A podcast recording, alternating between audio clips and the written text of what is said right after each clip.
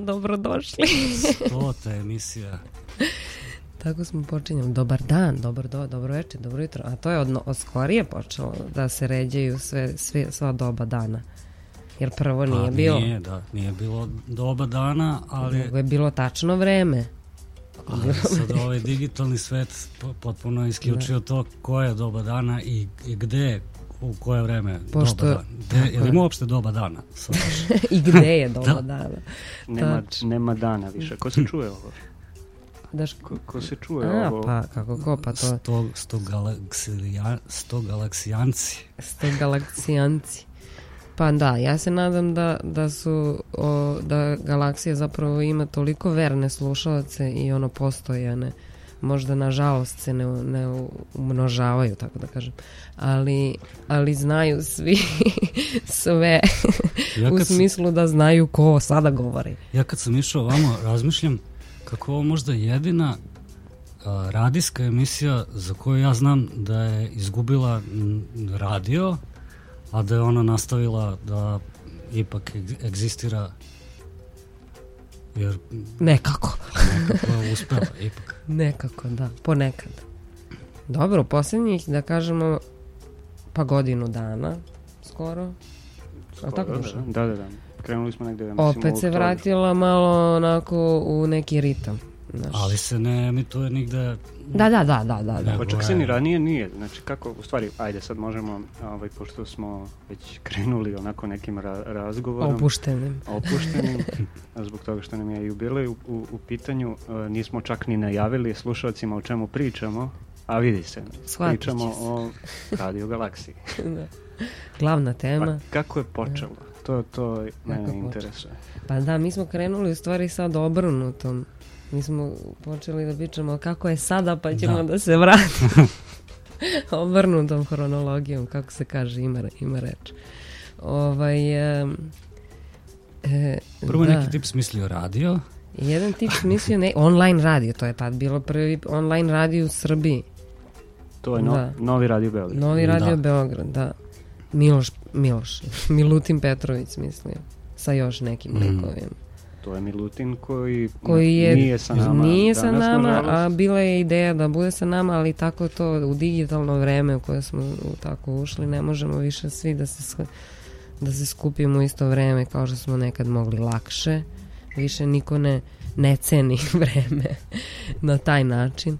U svakom slučaju, Milutin smi i još neki tamo smislili radio. Možda će Milutin i da se javi u ovoj stoto epizodi, mi to ne znamo. To je, to je relativna stvar. To je velika misterija, kao što je i ono još veća misterija prvih 14 epizoda, ali to je tema što o kojoj ćemo kasnije. Što reče, što reče Nele, nije više od 2 do 4, nego sad može da bude kad god, tako da... da... Upravo to. Tako da možda bude i Milutin do kraja ove epizode ovaj, se uključio. Ma biće, mora da bude. Pa nego šta će? Nemamo. Pa vidi, zvaćemo ga telefonom, mislim. Znaš više puta. A sada se uključuje naš dopisnik da. putem SMS-a. da, da, da, da. Možda i na Telegram, šta ima onaj voice message, može i tu da pusti neki glas. I, ovaj, I onda smo mi došli tamo... I prvo nismo našli tačan broj, pa smo... Da, da ko 14. je bilo negde u onoj uličici, neka nova zgrada, a prostor, pa bukvalno, pa 16 kvadrata, ja mislim. Pa da. Da. Skupilo se tu raznog sveta oko, oko tog novog radio u Beogradu. Stvarno bilo ono zanimljive ekipe i, i među ostalim ovaj, tu je bio i Čira koji onako nije se mešao ni u šta drugo sem u ovaj u ovu mikrofon, ja se izvinjam. Osnovnu temu, to je nauka i nekako je ta emisija od, od samog starta odskočila od svih ostalih jer je bila baš Zanimljiva. Zanimljiva, da. a, a Milutin je u stvari dovu kućiru tamo ili... Pa ne znam, to, e, to, to da, je sad... to Milutina pitaj. to je sad već na nivou da. legende da. ko je Jedno to koga pitanje. doveo. Njih dvojica se, ja bih rekao, poznavali od ranije i postojala neka priča, verovatno. Priča da. i tendencija, mogli bi mi da pravimo neku emisiju ovaj, o, o nauci. Ali to će on da nam kaže. Da. Da, u svakom ili, slučaju... Ili Ćira, to... koji nije sad ovde, da. a, zato što nikako Takođe, nije mogao jest. danas Pa jeste, da bit će do kraja emisije. Pa da, da. A pazi sad ovo, znači sad Danas je 11. septembar.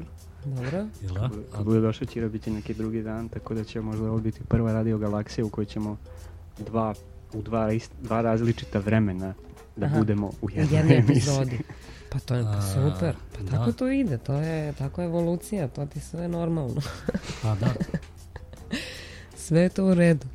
Da, evo vidi, ja sam tu isto, na primjer, sad, obično nisam. ja ne znam da li sam. Evo Nele isto. Ja, ja Nele ne znam da li sam, ali izgleda jesam. Tako mi zvuči. E sad... da. Ali, ove... Ovaj- da, mi smo preuzeli to od Milutina, pa negde posle 14. epizode, znaš kako? Po... Pa možda malo kasnije. 14. Pa to je velika prekretnica bila. pa, Tako nešto, nije možda ni, ni 14, možda, možda, možda i neka deseta i nemam da, da, da, da, da, to je bilo svega nekoliko Šta prvih epizoda. Šta je bilo prva, jel se sećate? Prva tema, ja se ne sećam jer ja mislim da je ta emisija počela, ja kad sam došla na radio, na primjer, već imala jednu tu epizodu, pa smo onda mi počeli s našom emisijom, pošto smo da. mi tako počeli da se družimo. Svako, Neli imao svoju emisiju, uh mhm. -huh Pa smo onda u jednom trenutku svi u isto vreme bili u istoj prostori u nekoj većoj kući koja više nije bilo 16 kvadrata nego radio bilo na 2-3 sprata, boga mi. to je bilo dole ispod Makedonske jedno vreme, da? Kako se zove ta ulica? A ne, to je posle. Prvo, u Dubljanskoj smo u Dubljanskoj smo bili najduže. Ja ne sećam se broja, ali Dubljanska da. ulica je jedna mala kuća koja je onako jedina ostala među onim sada novim Zgradama, da. Zgradama. I dalje je tamo. Pa da. Da, i tamo smo onda blejali ono kao full time job. Mm. Da, tako da smo onda ovaj, uzeli to od Milutina, nije mogo da stigne da dolazi sredom u dva, stalno, pa smo mi mogli i nama je bilo super zanimljivo i onda smo iz tih naših emisija prešli i u ovu emisiju. Naše emisije su bile moje muzičke, mislimo neka vir chart lista, a Neletova nije pa, bila ja sam se uhvatio, ja sam se uhvatio i, i, i tona tamo, pa da, sam onda tačno, nekako da. i po, kao I po, po službenoj dužnosti I, da, tačno, ovaj, dospela i galaksija. A ovaj, plus se ono potrefilo da je nešto što me jako intrigira i zanima da, ceo život kao i, i sve nas. Da, da. I onda se vozilo dugo, nekoliko godina. Pa da. Da, bile, u stvari najveća pauza je bila do sad, od kad smo mi prošle da. godine krenuli. Da. A inače je od pa 2008. Da. pa do, do 2012. 2012. je bila non stop. Da, da možda da. se ono promaši jedna epizoda ili i letnja pauza. Mm -hmm. ali je bilo baš... Ja, bilo je nekih repriza isto, da, ali je uvek bilo nešto, da. da. A do sada nikada termine. nije tehnološki, mislim, sa, sadaš, sadašnja tehnologija mm -hmm. i mhm. internet i, i svi ovi a, televizori i studiji koje mi nosimo svi po džepovima omogućavaju da, na primjer, ovako vrsta emisije može da a, bude realizovana da su ljudi prosto svako na svom kontinentu i da je negde noć, a negde dan, ali sve zajedno može da se sastavi u, u neki ovaj, neki ram i da, da, se, da se formira možda čak i na nedeljnom nivou. Razmišljaćemo i u tom pravcu. Pa da, ja, ja, ja slušam s vremena na vreme onaj Nature podcast, Aha. koji je stvarno strava i to svima preporučujem zato što uglavnom pričaju o nekim najnovijim otkrićima i javljaju se ljudi sa raznoraznih strana i tu tačno čuješ u zvuku da su svi ti ljudi čak i na različitim kontinentima mm. i to potpuno funkcioniše ok. Tako. Pa da. Pa da. Ali dobro, ipak ima neke ima čari, čari u, u tome da se, da se nađemo ako pijemo kafu i da. pričamo. Da, ali vidiš kako se to lagano osipa pa ćemo biti primorani pa možda pa to, u jednom to. trenutku da radimo tako. Da, ako hoćemo da opstane kao mediji pa na da. srpskom jeziku, da ima nekih lokalnih ljudi koji govore o tim temama koje su zanimljive. Čak Jer emisijom... ima, ima boljih emisija od naše, hvala Bogu. Ono. Da. Čujte samo, Ma, mislim, ne. kao i što slušaju. Nema, nema. Verovatno. Razne ne. podcaste na istu temu, ali dobro, lepo je. Kad... Nema, ovo je da. najbolje. ne, ne, ne, ne, ne. Ja, evo baš sam nešto proveravao i... I čire nezamenljiv. ne, pa sad sam se setio, ovaj, sećaš se kad, kad je bilo, a i ti si nema slušao, rekao si malo pre, kad je bila ona novogodišnja mm -hmm. specijal i Nemanja Đorđević uh, je bio tu sad kad sam ovaj, to kačio na Mixcloud. Direktor Centra za promociju nauke. Direktor Centra za promociju nauke. ovaj, je bio tamo gost i onda je rekao jednu strava rečenicu koja meni, meni bilo jako drago. Ja tad, u tom trenutku kad smo snimali nisam primetio, aha, aha. Ovaj, nisam, nisam baš obratio pažnju šta je tačno rekao, ali sad kad sam preslušavao ponovo, rekao je da je to je jedina emisija koja je njemu zapravo zaokupila pažnju, da stvarno sedne i dva sata sedi i sluša, da to ne bude neka vikend aktivnost da. ne ono, može, tako da. sporedna, da ti sad nemam pojma da Ili, ili, sednoš u kola pa se voziš. Sluša. Ne možeš, moraš da budeš koncentrisan da slušaš. Ono. Znaš, kao da radiš matematiku, moraš pa, razmišljaš ja sam, kao o, ja sam najviše, o tim brojevima. ja sam najviše Radio Galaksija preslušao a, recimo pred spavanje, jer onda ono, legnem, pustim i onda se potpuno koncentrišem na to e, i to, to mi je strava. To možemo isto da kažemo, kao to je zanimljivo, da kao, kao, kao glavna tema, izvijem što te prekinem, da, ali, ali, ali čisto da ne zaboravim, da svako kaže najzanimljivije slušanje Radio Galaksije, znaš? Od e, pa da, možemo. Da. Bilo je Pošto ranije... je to tema inače do ove epizode. Kao. Bilo je ranije, ovaj, možda se sećaš isto kad sam sad listao Facebook, našao sam u onoj grupi Radio Galaksija arhiva uh, Milija Jovičić, uh, koji je u jednom trenutku i gostovao. Jeste, jeste, okay, da, u izvrnutoj. A, sad smo otkrili identitet. A, a nije trebalo. Ovaj, ne, pa ovo možda izbrišeš. I secnuti ovo. Nema, nema pisanja.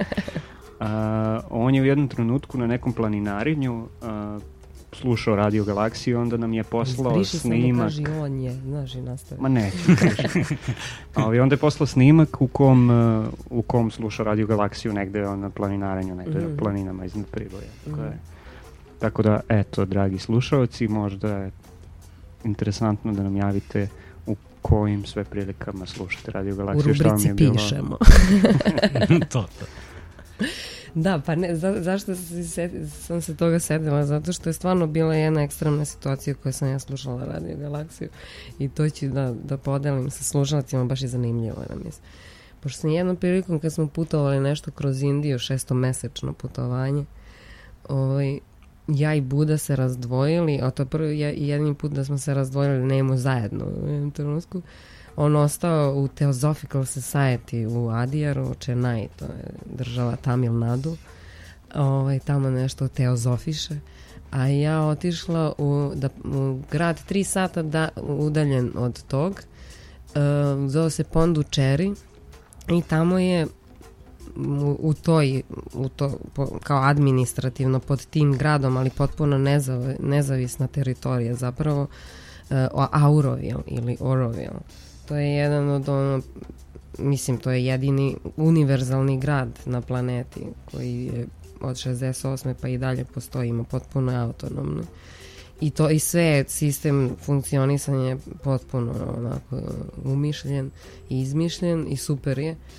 I ja sam otišla to da posjetim i pre nego što ću zapravo stići u taj grad, moram prvo da nađem neko, neko prenoćište jer je već počela da pada noć u u, gra, u Pondučeri, u tom gradu malom. Jer u Aurovilu ne možeš ni da dođeš da spavaš tek tako, nego moraš da se javiš tamo vrhovnom vođi ili već ono, mora da te primi savet i tako dalje. Ono, baš ne možeš da, možeš, možeš da budeš turista na jedan dan, ali ne možeš kao sad dođeš tamo spavaš tek tako. Ne može inkognito Nema pa para, kao... ne možeš da platiš, prosto Aha. ne možeš da platiš. Nema tih para. Nema tih para, nema, ne, ne, nemaju novac, ono, uopšte tako ne funkcioniš, svako nešto radi, tako da, to je priča za sebe, ali u svakom slučaju ja sad u tom nekom malom gradu brzo tražim smešter, pada mrak i nema nigde ništa. I oko, pa da ću da spavam, znaš, i malo frka ono sama tu, Indija, mnogo mm. ljudi i to. I ovaj, sretnem neke turiste, isto tako putnike već, i kao, gde da se spava, oni kažu, pa joj, sad je neki praznik, sve zauzeto, svi guest house i ono, nema de i to. Da, bar imamo pres karticu Radio mm. Galaksija, pa bi lako. da, da, da. ne, nego kao nema ništa, ima jedino ovih hoteli, a tad smo ono šest meseci putuješ kakav crni hotel, nema šanse, imaš budžet, ono 300 rupija, to ti ono 5 evra za smešta i to ti to, razum.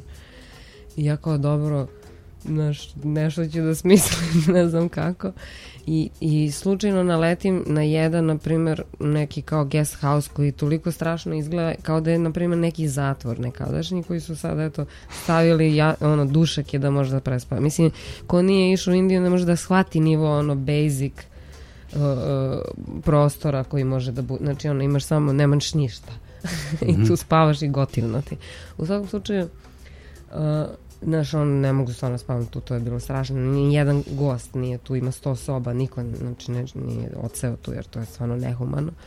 I odemo neki drugi koji izgleda pristojnije i isto je bio stravičan, onako, tu su samo lokalni ovaj, putnici odsedali neka dva dečaka su radila na recepciji i ono šest puta sam im vraćala posteljinu da mi daju čistu pa su mi rekli kao pa idi sama nađi svaka je bila flekava znači ono sve su bile i nađem slučajno ne, ono na, kao najčistiji i odem u sobu ono strašno kao prizor je neviđen ono, soba to treba da vidite kao neki horror film.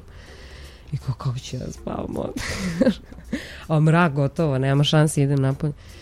Radio galaksije stavim ti ja slušalice i to pustim neku epizodu i eto, mislim, stvarno mi je bilo baš onako strašno, nisam mogla zaspim od straha jer se se čuli ljudi koji su ulazili, bili, to, su, to su neki zvuci, on, ne znam, ono, vrata, možda Zvuci problema. Ovako.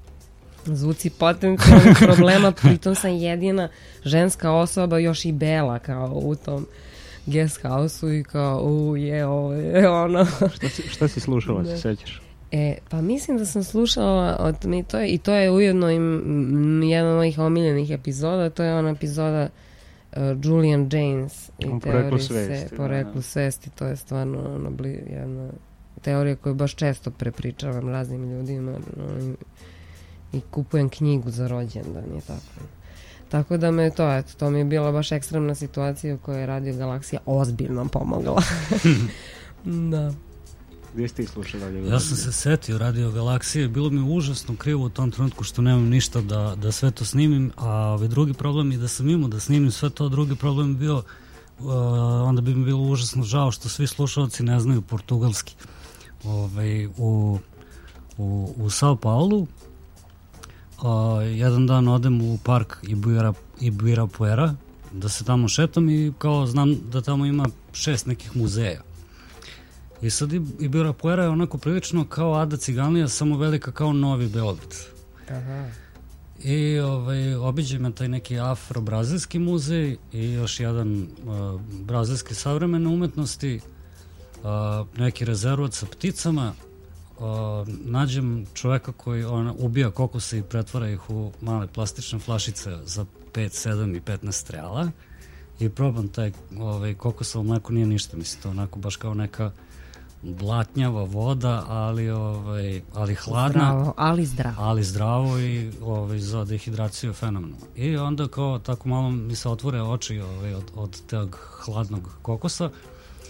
I vidim na jednom mestu da viri nešto što liči na leteći tanjir iz zemlje. I kao up, uputim se tamo i naravno ovaj, ustanovim da je planetarijum u pitanju, a planetarijum je veliki kao hala jedan Beogradskog sajma. I uđemo unutra, u stvari prvo pitam kao pošto oni kažu, ajde, ajde, kao zatvaramo, ovaj, besplatno je upadaj i svaki 50 minuta počinje ta projekcija neka i besplatno je. A, najveć, ne znam da li je najveći, ali ogromna jedna kružna prostorija sa, ovaj, sa, sa stolicama kao bioskopskim, ali kad sedneš one su onako kao kod zubara. Ups! Aha.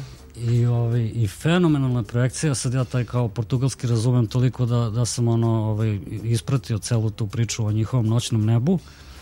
A, fenomenalan, fenomenalno urađeno to sve. I onaj projektor je neki najbolji na svetu. Ono, izgleda prvo kao kad, dok se još nije ugasilo svetlo, on izgleda kao da si stvarno ono, na ne, nekom prostoru koji nema veze sa planetom Zemljom a taj projektor radi fenomenalno. Preko te ogromne ovaj, uh, kupole a, cepate neke. I tamo mislim to je dosta zanimljivo. Oni nemaju severnjaču i uopšte ono nebo kad pogledaš e, kao gde se tamo je Orion u, gore u centru. da, da. i sad ja ne znam kako se zovu te tri zvezde kod nas. Ovaj, on, onaj struk Oriona. Mhm. -huh. e, a one su tre, Tres Marijas tri Marije a stvarno? da tako je zovu. To sam na primjer upamtio. hmm i fenomenalno je ovaj, pošto je tu ispred kako taj ogroman a, kružni planetarium kad se izađe oko njega je hodnik koji je galerija e tu ima kamenja najrazličitijih ve, ono, veličina i vrsta od potpunog ono nekog metala do nekih ono stena koje su nekih boja neverovatnih, sve to palo s neba. Da.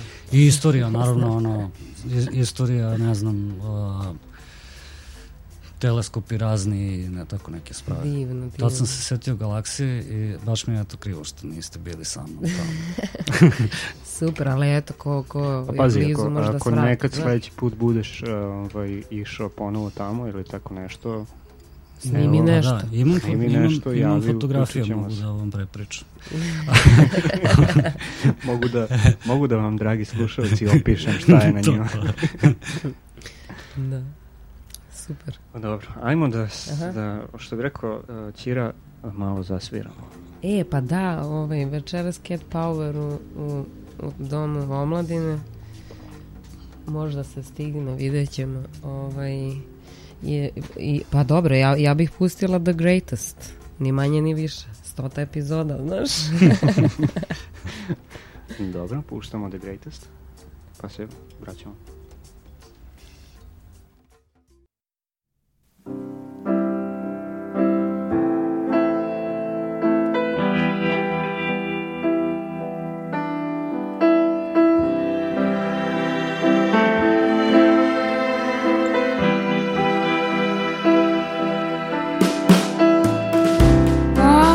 I wanted to be the greatest. No man waterfall could stop me. And came the rush of the flood. Stars of mine to dust, melt me down. It's a big smo,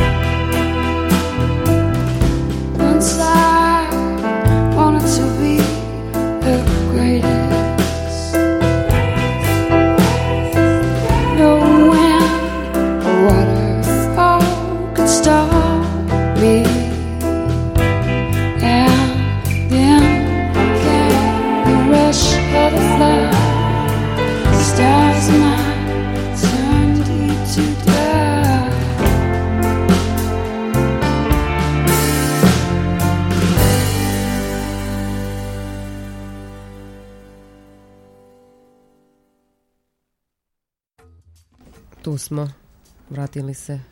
Lepo je, lepo, evo samo jedan lični ovako komentar, lepo je, ovaj, a i verovatno Nele ima isto takav utisak kad, ne, ono, kad se vratiš ponovo u radio galaksiju. Ja se osjećam kao file. da, Znaš, da. bio sam izgubljen svo vreme, sad su me ponovo pronašli. Nemam jednu nogu, ali... da, da, baš nedostaje radio galaksija često i o, s ove strane mikrofona. Uh -huh. Ove, ja sam kopirao sad, ove, isto kad sam kačio, da, potreba pomenuti to, evo već od, od kad smo krenuli, ja sve nekako da kažem, da kažem, pa smo se raspričali. Imate na Mixcloudu, mixcloud.com, ko se crta Radio Galaksija, sve epizode osim onih misterioznih prvih 14 koje ostaju misteriozne. Tako je, to smo pa odlučili. Da, da. Mora tako, jer... Pa ovaj... vidi, Nekako je mnogo lakše se sluša ovaj, sve to na Mixcloudu. Onda sam ukapirao da možeš tamo i da taguješ stvari, da ono muziku da. koju postavljaš, da, da ispišeš šta je šta da. i tako dalje. Ima opcija download isto tako. Mm, ne. E, nema, ne. E. Nema. E, Ali zato download... Da skinu isto, e, pa download se nalazi na sajtu Centra za promociju nauke. Tako, tako je. Ove, kad sam, ja sad, kad sam to da. postavljao sad, ukapirao sam da postoje neke fraze koje su se nekako izgradile tokom tokom ovaj, e, same emisije. Prvo ono dobro večer, dobro dan, dobro jutro, da, da. zavisi kad nas slušate i tako dalje, onda to dobrodošli. Pozdrav, takozvani pozdrav. pozdrav. Onda ne znam, a sada malo zasviramo, da, da. može jedna mala muzička pauza, tako te stvari. Niko nikad nije rekao, kad se vrati sa muzičke pauze, e, Vratili smo. odsvirali smo. pa re, pa nije, nije tako. Znaš koliko puta ja kažem, I evo nas nazad. Da. Evo nas Svaki nazad, put se vratimo, izvini. Bilo je vraćanje. Nema nedoumice da li se sad, mislim, ne može emisija tek tako da se nastavi, mi nismo na Radio Beogradu pa sad kao ovaj, završi se muzika i nastavimo da pričamo, nego mora da se, da se pod crta. Da. E, a priča se u pauzama. Šta, kako je izgledalo uopšte, to pauze. sam hteo da vas pitam. Kako su izgledale, pa, pa i pauze, a i celo snimanje i spremanje emisije ranije, dok je bilo to na radiju, dok je bilo uživo, kako je to izgledalo? Čira da. se javi, kaže može ova tema ili vi predložite ili kako? Pa uglavnom je Čira predlagao teme, mislim stizo praktično je, gotovo uvek. Stizo je mail u toku tog prepo... mi smo počinjali u dva, a ovaj mail sa temama je uglavnom stizao ili... Pa u pet ujutru pa pre toga, da. da, da. da. To je Čira nas ne Tako da nis, nismo imali bog zna koliko vremena da se spremimo oko da. gradiva. Ne, može da se spremiš ono, nikad i da si ima mnogo da. vremena, ne da. može da se spremiš. a, ove, a pauze, pa dosta, dosta smo imali uh, gomilo situacija gde se po 40 minuta priča, pa onda smo kao, ajde da pustimo dve kompozicije, pa su često išle i neke dve od po 5 Malo minuta. duže. To. I, ove, I onda, ne znam, Čira uglavnom vala da ustane i da, da se razmaše nešto. Da, da, da se protegne. Da. Aha. Sad kad je bilo lepo vreme, izlazili smo na terasu. Jeste. Ove, ali m, nije bilo to sad, mislim, te pauze su uglavnom nastavljali smo da, da pričamo nešto o, o temi, o, da. o temi, da. Da, da. da. neko pitanje se uvek, da, iskristališe, ali generalno snimanje sa Čirom, mislim, to je to je jako uzbudljivo, znaš. Jer treba, znaš, e, treba čovjek da dođe na vreme svaki dan, mislim svaki put, ne svaki dan. Nije to lako, a, a, a naš saobraćaj, na primjer, kad uh, krene a on, na radio, pa dok stigne do... Ja, to se vidi, recimo. Ja dok još nisam njega poznavao ovako malo bolje, tačno čuješ na radiju, radio, radio Galaksiji, kako kad je zima, recimo, onda prvi komentar kao, kako si Ćiro? Pa, evo. o, zima, jel mora bar? Ako baš moramo. Da, da, teško je, teško je. Svaka zima je bila teška.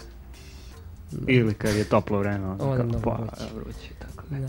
Pa dobro, da, tako kao i svi mi, znaš, imamo neki, svako je svoj problem najveći.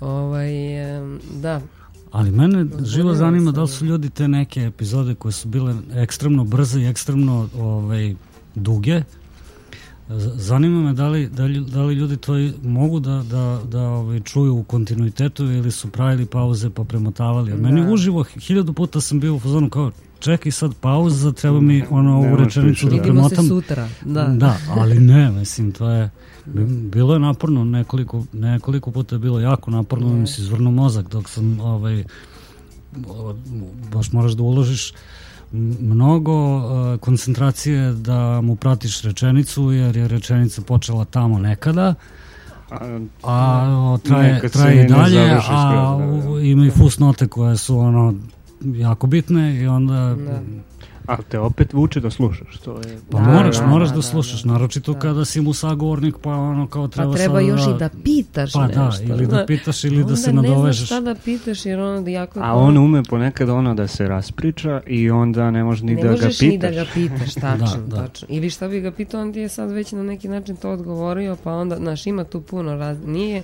tako lako zapravo biti A, njegov u svakom host. Slučaju, u svakom slučaju fenomenalan doživljaj ovaj, i, mm. i tako lepo iskustvo. Da, divno iskustvo, naravno. Ono, toliko stvari, mislim, ja, ja sam naučila gomilu. mislim, posebno zato što ne dolazim ni iz kakve te, ono što vole da kažu, prirodne nauke. I onda um, mi je ono, dalo takvu neku podlogicu finu da mogu, mislim, da razgovaram na razne teme danas. Pa da. Što je stvarno baš lepo. Ovaj, tako da verujem da je tako i našim slušalcima isto. Samo što je isto zanimljivo ko su naši slušalci, znaš. To je... Pa ja za neke znam. Pa da, znamo svi neke, da. Ali, ali je negde, znaš, ja sam uvek voljela da znam znaš, to pa kao i, i neka, to kao sad sociolog bi voleo da zna svašta tu, što je to grupa ljudi, znaš i to. A, ovaj, ali, ali mislim da, da, da, i onda znaš, da, kao, voljela sam da sad to bude nekako što vi, pošto kao važno je, mnogo je dobro to na srpskom jeziku, sve može da se čuje, da može što više ljudi da čuje da nisu samo oni, jer uglavnom su na početku bili to ljudi koji su studenti nekih fakulteta koji mogu mm -hmm. zapravo ljudi koji mogu da prate to o čemu on govori. I koji su znali Čiru. I znali Čiru, sve to. A onda se to lagano širilo jer, na primjer, e, i nekako sam, ja sam volela da se to širi, pa sam možda tako nekad ga i postavljala mu neka pitanja kao dobro, a šta to podrazumeva? I neke stvari koje bi studenti ta, tako nečega podrazumevali, mm. ali studenti nečeg drugog ne mogu, jer prosto A to nije. zapravo jeste najteža stvar kod bilo koje yes. edukacije, popularizacije tako i tako, tako dalje. Da, da.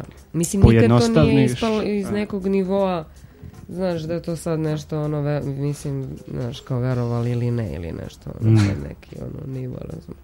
Ali, mislim, daleko toga Ćira je prosto ne može da govori tako, ali opet uh, mislim da je puno ljudi, puno, puno smo ljudi uspeli da, da okrenemo nauci u smislu da se sada i dalje informišu, iako možda ne slušaju Radio Galaksiju, Ali su da, za, da imaju da. taj, da. da, da im je u feedu ono nešto na pop hmm. naše. Pa evo, između ostalog, mislim, ja sam, od kad sam došao u Radio Galaksiju, to je a, koliko, rekao smo, znači neki pa desetak meseci. Da.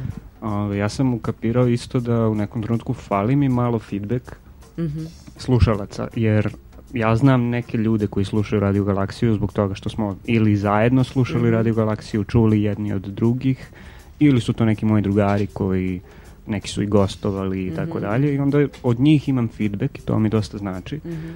ali, ali bi bilo stvarno strava i ja mislim da, da je čak i super da, da se i ostali slušalci uključe jer, jer ovo je pa jedna pa dobro, ipak mislim, onako da, dobro je to slobodnjačka emisija. Ali isto dobro da se to prati, a mi mislim onda smo pratili kao slušanost, pa koliko ljudi mm. kao sluša u tom trenutku, a onda kad imaš sad download i to onda gledaš prosto koliko je kliktalo ono, znaš, na, na CPN-u je to brojka koja je prilično postojana praktično sve vreme, što je vrlo interesantno bez obzira što je bila pauza. Mhm. -huh. Znaš, ta brojka ono, sto, ima to svoju publiku i oni čim su i odlučili da to na neki način podržavaju, znači da to vredi, mislim da se tu nađe.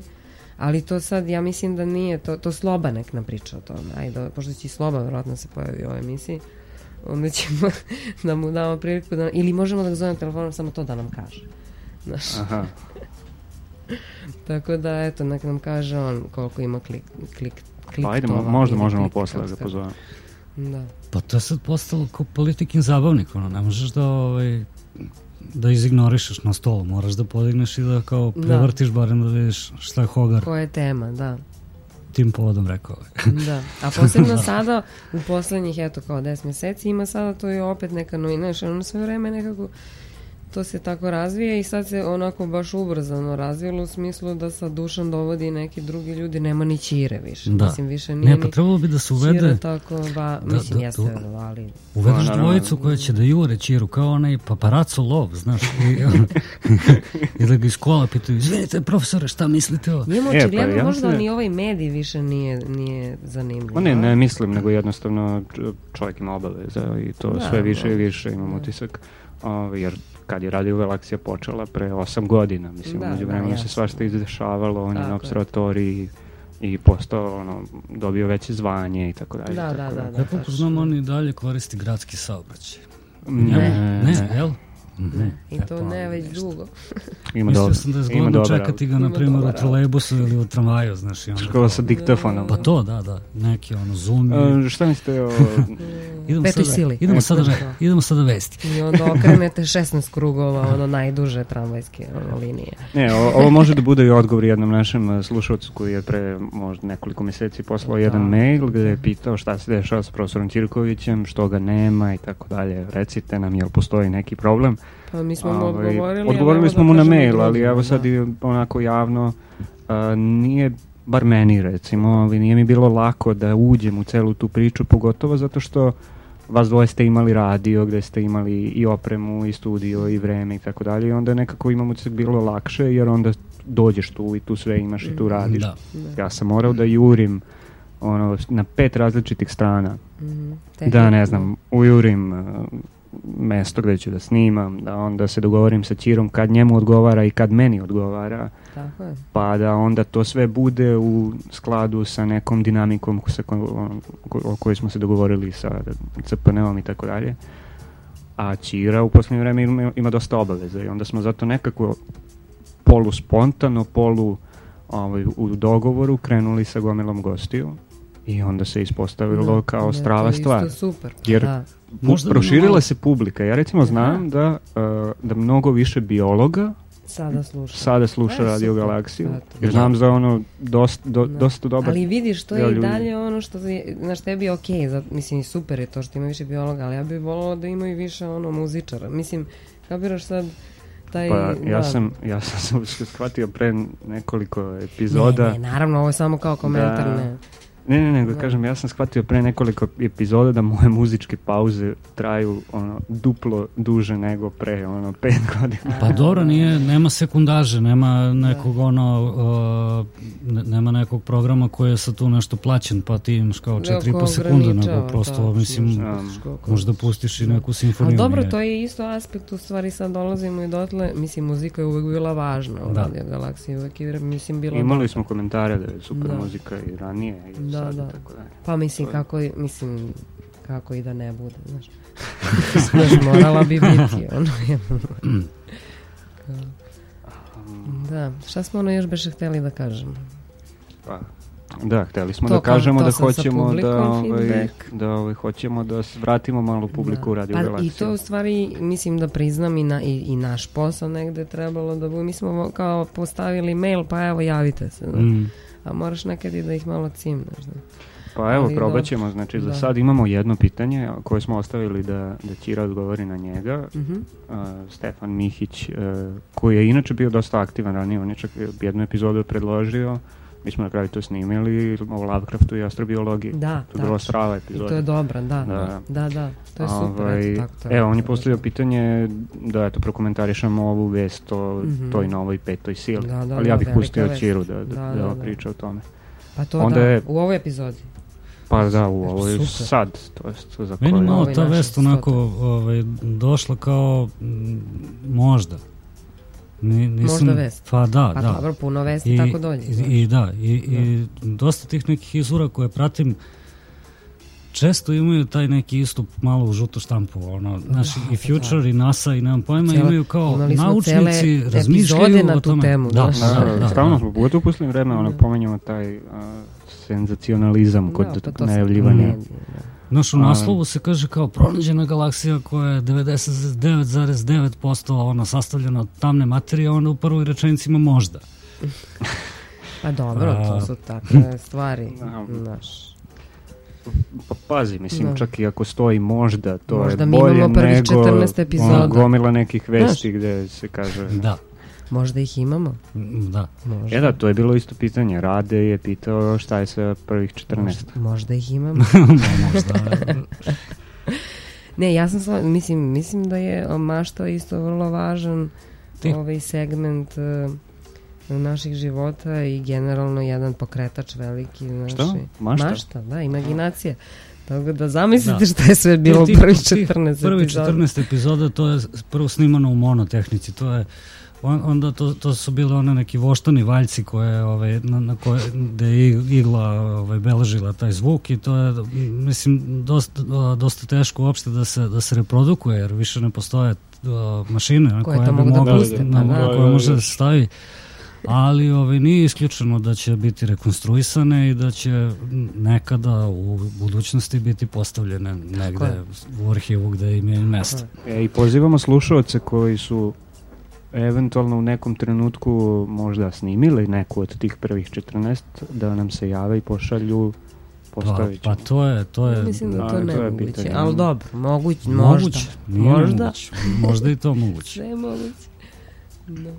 Pa, Jer ovi su krenuli da snimaju 14. obviously. 15. 15. Mi smo da, imali 14. 15. je prva, za 14. ja nemam pojma. A da, pa 14, da, pa nemam pojma ni koje su teme bile, ni ništa. No. Pa ja sam jedan puta, jedan puta sam imao priliku da prolazim tu, kroz, kroz tu arhivu i čini mi se da u prvih nekoliko imaju onako uh, dosta velike tehničke ovaj, probleme jer tada nije postojao ni tu neki ono ovaj, uh, tonski tehničar nego su uh, bukvalno Ćira i Milutin mm -hmm. sami ono nešto uključili, nije bilo špice, špicu smo napravili. Da, tačno, tačno. Da. Nije bilo špice, ja mislim čak ni ono prvih. Pa, kasno, pa da, da. da. Bila je špica na ogradi Beograda, ono klasično. Novi radi Beograd. Da, da, pa da, to, to je... To, pa I da, ona sve sa, za globalno zagrevanje zauzmi stav. Da, da, da, da, da, da, da, da, da, da, super je to. Da, vidiš, mi smo to isto izgubili. Ja sve to sad, znači ja sam slušao, ali sam ovaj, sad kad sam postavljao sve to na, Aha. na Mixcloud, onda tako čuješ Pa, kada je, kada je to relativno neke... skoro bilo da je kao galaksija ostala bez špice, pa sam ja se uhvatio za glavu jer je moj hard disk na kojem je bio taj projekat ovaj, otišao u večno lovišta i onda se setim kao čekaj, mora da imam to negde na Gmailu i onda ga pronađem. Da, da. Tako da, da imamo ipak neki backup postoji. A da. nešto od tih... Ne znam baš da li sve, sve džinglići baš. Pa ja mislim da imam. Ba, baš taj, pa, ono, globalno zagrevanje e, pa, imam. možda daj, pa ćemo da ih izvrtimo pa da. u ovoj epizodi. Ajde, pa i da ih izvrtimo ovoj da. epizodi, a i možemo da ih koristimo. Pa to da, pa da. da. Ali sad ovako kao, znaš... Bude neka loša vest, a onda pustimo jingle za globalno zagrevanje za uzmi stavu. Da. da. Može, super. Da, i ovo ćemo opet muzičku pauzu. Pa možemo i onda možemo da eto, se razilazimo. Se razilazimo. Da Za sad. U prvom. Da bi se, da bi se vratili. U prvoj da. turi.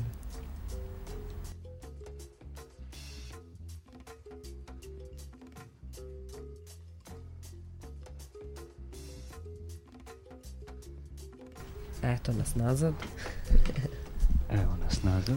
Vrati smo se. Vrati smo se s putovanja muzičkog. Odsvira smo. Odsvirali smo svoje, što se kaže. pa, pa mi, dobro, na pauzi smo... i jesmo. Da. Na pauzi smo sad ovaj, pričali o nečemu što bi mogli da nazovemo budućnost radio galaksije. Da, pošto smo pričali o prošlosti u prethodnom u sadašnjem vremenu. segmentu i mislim da će biti mnogo lakše i da će biti dosta um, dosta više epizoda sad u nekom narednom periodu zbog toga što konačno prelazimo u naučni klub. Što se kaže, svetla nam je budućnost. Naučni klub u Beogradu. U Beogradu. Centre za promociju nauke. Pa možda će da putuje i u drugi gradove ponekad ako neko pozove Radio Galaksiju. Mislim, sad ima naučni klubovi u drugim gradovima. Realno. A ti Nije. ideš sutra u Afriku, pa kao, da dovedi slobu, idi Dušane u druge gradove. A brzo će pa da se ugrađuju čipovi u glavu i onda da. ćeš moći da čuješ tako razmišlja, uopšte nema više. da, u stvari, ne. Ali eto, eto, ša, ima, ima šalu puno na stranu, je, da. Šalu na stranu, što da ne, mislim, možda to može čak, evo sad smo letos ideja. snimali u Petnici, ja, jer, eto, vidiš. Kao ja sam bio tamo i ovaj, nisam mogao da dolazim u Beograd, a onda se ispostavilo da je super super ovaj, prilika, pošto su neki strava ljudi bili tamo. Mm. I onda smo snimili tri epizode iz Petnice. Ali što da ne, možemo da, da odemo nekad i do Novog Sada, do Niša. Da. Tako da eto, taj neki stabilan prostor će nam dati opet novi prostor za, za ovaj, e, možda ono, kao redovnije e, snimanja, a onda i neke druge forme Radio Galaksije, možda čak i kao neki javni čas, pa sad dođete vi koji hoćete pitate nešto. Pa ne mora to sad da bude neki kao tribinskog tipa, ali može da bude otvorena vrata. Da. Ono što otvorena voli vrata Radio Galaksije. Za građane. Čira prima. Otvorene slušalice Radio Galaksije. Otvorene mikrofone. Pa da, nešto mora da se uradi, pošto greota bi bilo da se pusti ovako, onda će kinezi da se sete, pa će oni da prave njihovu verziju. Oni već pravi e, Pa da, sigurno postoji kine. ti bojiš toga, da. kak je to veze ima i onako ide na kineskom. Kineska da, radio galaksija. Imali bismo sigurno više slušalaca. A, da. Možemo da počnemo na kineskom, ovaj, mandarinskom. Da, dobro, ok, ništa, idemo, mi put putujemo, a vi nas slušajte, javljat ćemo se, bit će, jer ja se, na, mislim, bit će i u narednom periodu reportaže iz Afrike, ako tu mislim tamo svašta se dešava non stop iz, više iz nekog ne možda na strogo naučno tehnološko Pazi, ostala si dužna priču o Virunč. nacionalnom parku Virunga pa jeste, ali evo sad baš izlazi ovaj, u narednom broju elemenata veliki tekst o tome. Tekst. Veliki, pa, da. dobro, jedno, jedno su vizualni mediji, drugo Pa dobro, su... ja sam sad malo reklamirala elemente, znaš ali, ali da, da, bi, pa eto, sledeće epizodi šaljem ako ne možemo da se uključimo da porazgovaramo unakrsno, možemo može reportaža jednosmerno.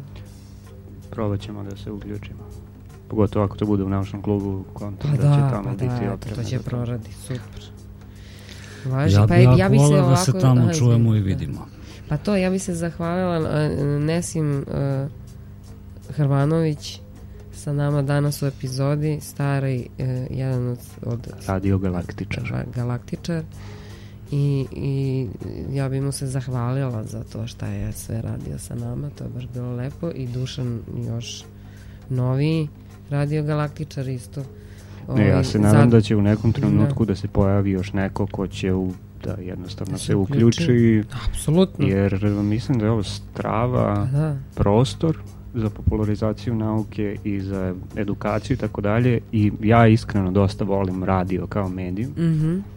a, tako da možemo da širimo ekipu Absolutno. i bit će lakše i super, naravno neću ni ja ovo da radim do kraja života pa da, meni je bila da, izuzetno čast i tu sam ono kad da. god uh, u, u galaksiji sam ni, da, za sad ne postoji način da. da je napustim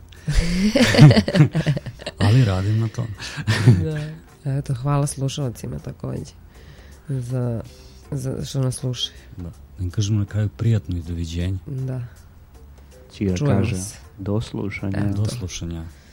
Do slušanja sa Marijom i Neletom, a drugi segment Radio Galaksije koji će ići nakon muzičke pauze koja će vama trajati kratko, a meni vjerovatno par dana dok, dok ne snimim to sa Čirom i nadam se Milutinom. Čujemo se.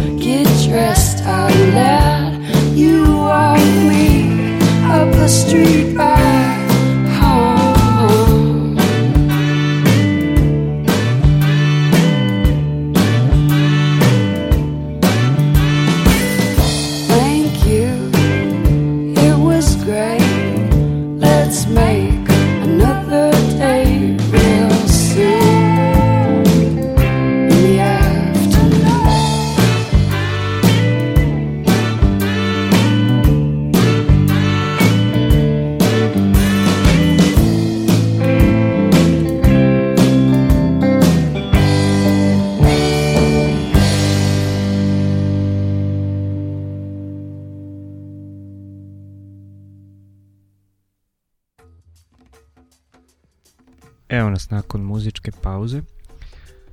Tačnije, evo mene, bez Marije i Neleta, ali i bez Ćire i Milutina i beskrajno se izvinjavam svim slušalcima u svoje ime i u ime cele ekipe Radio Galaksije, ali Ćira na kraju nikako nije mogao da bude tu, a nije mogao ni Milutin, i da bismo to nadomestili ja sam se potrudio da napravim jedan kolaž od nekoliko isečaka iz prethodnih emisija, pre svega onih u kojima Ćira govori i pre svega onih koji se odnose na popularizaciju e, nauke, promociju nauke, naučnu pismenost i obrazovanje, ulogu medija u tome i tako dalje, e, kako bismo mogli da se i kroz Ćirine reči makar malo osvrnemo danas na to koje je mesto Radio Galaksije u celom tom medijskom, a ja bih rekao i obrazovnom svemiru.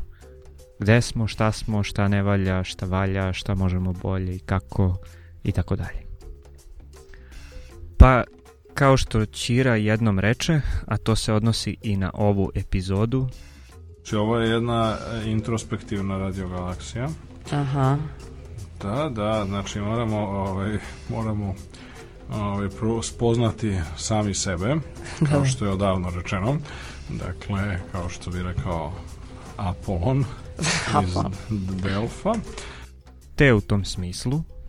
Otkuda Radio Galaksija? To, to, to. A, pa, Radio Galaksija, dakle, na neki način predstavlja omaž, kako bi se to lepo reklo, starom dobrom časopisu Galaksija koji je izlazio u našoj zemlji, u stvari zapravo u, naj, u stari, najstarijom svom izdanju, zvao se, ako se ne varam, Kosmoplov i izlazio je tamo negde 1960-ih, ranih 70-ih godina, 70-ih je promenio ime u Galaksija, onda je izlazio prilično slavno to neki, taj neki period, recimo kraja 70-ih i tokom 80-ih je bio period procvata galaksije i onda negde naravno kako je sve teklo tragično kako je teklo je li od kraja 80-ih i početka 90-ih onda je došlo do gašenja tog časopisa koji je bio apsolutno najkvalitetnije glasilo za popularizaciju nauke kod nas, odnosno u bivšoj Jugoslaviji.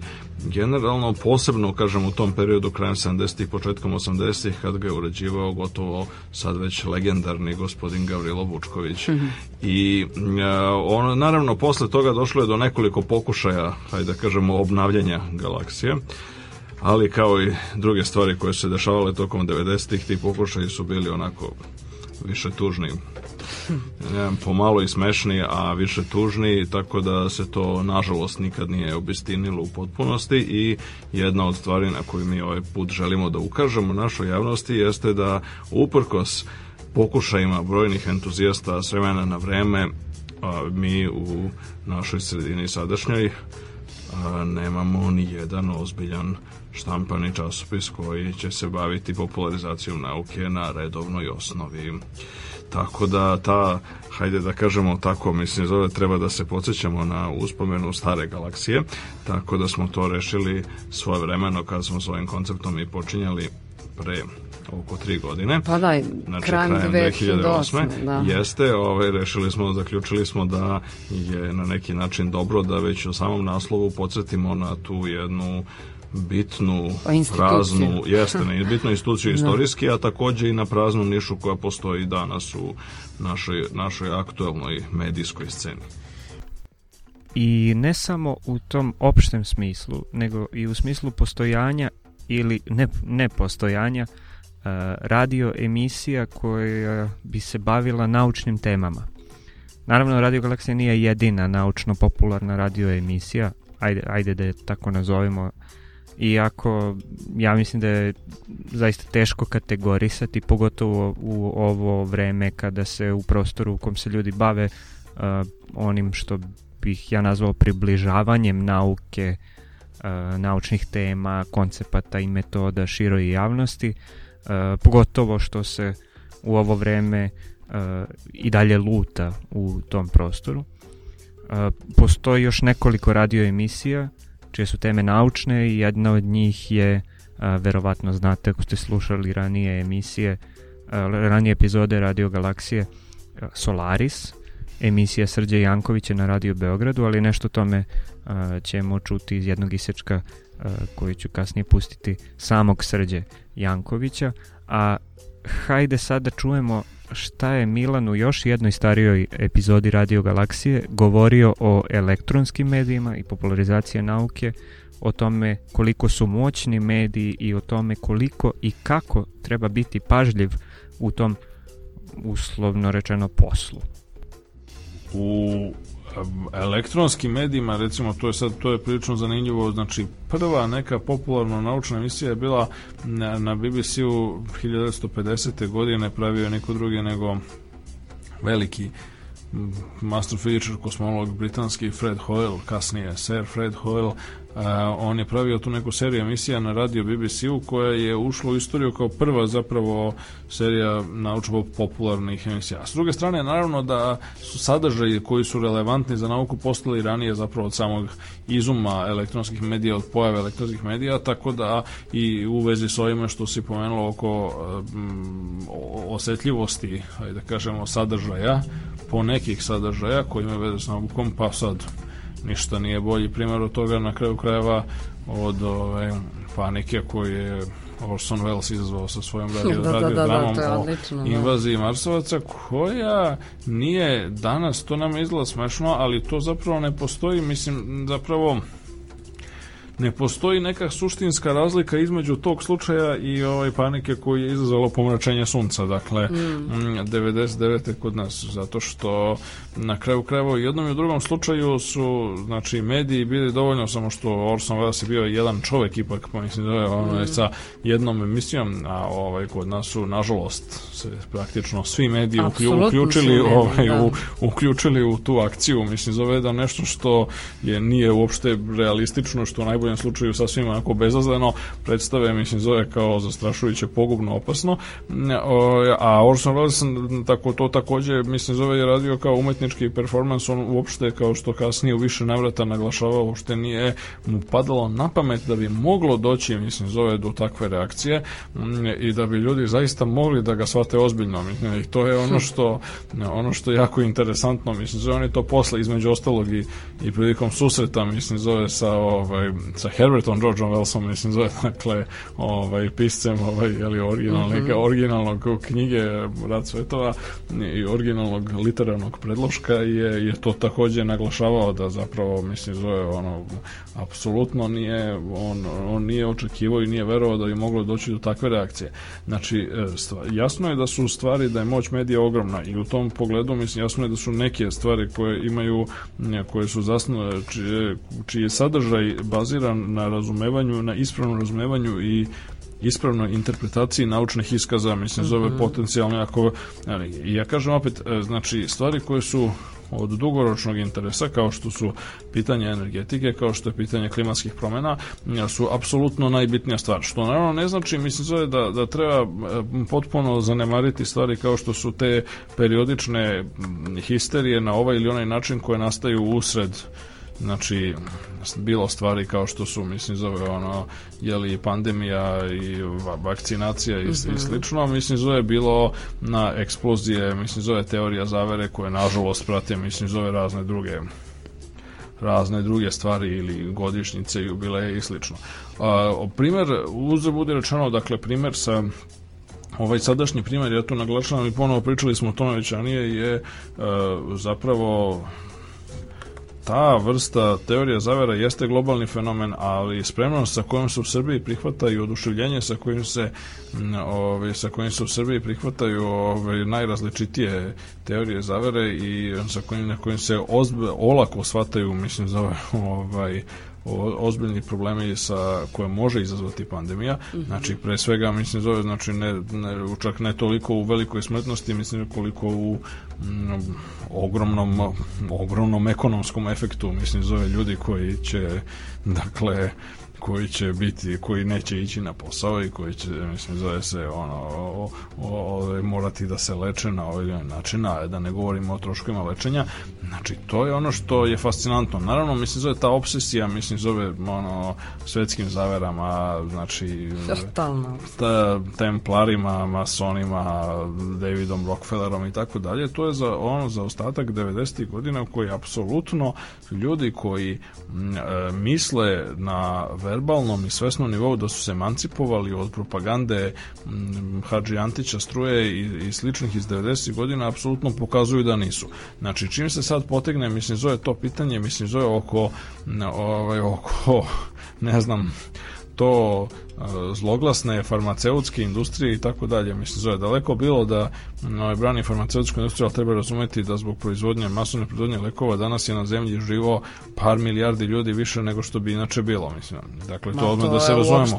a, ovo je, a da. to je potpuno isto, to je potpuno slično, mislim, zove kao, ovaj, kao genijalne ideje raznih ovaj, ekoloških, mislim, zove fundamentalista o tome da bi mi sad trebalo da se vratimo prirodi i da ne koristimo veštečka đubriva. Da. Dakle, ideja o, ideja o nekorišćenju veselih đubriva je onako bila prilično, mislim, možda je mogla se realizuje negde u pa najkasnije negde recimo u doba renesanse odnosno odnosno od kad su odnosno ajde da kažemo u doba renesanse broj ljudi bio takav mislim da je da su mogli da obrađuju zemlju i da svako uzgaja za sebe i da se živi svako u skladu sa prirodom i tako da je već negde od 19. veka, znači nije industrijska revolucija se pojavila slučajno ili nije to bila nečija zavera, nego jednostavno je poenta jeste bila u tome da na neki način broj ljudi je već tada, u već u 19. veku izašao bitno van ravnoteže sa prirodnom sredinom. Mm -hmm. Tako da dan danas u, znači od, u, što bi se reklo, harmoniji s prirodom bi možda moglo da živi recimo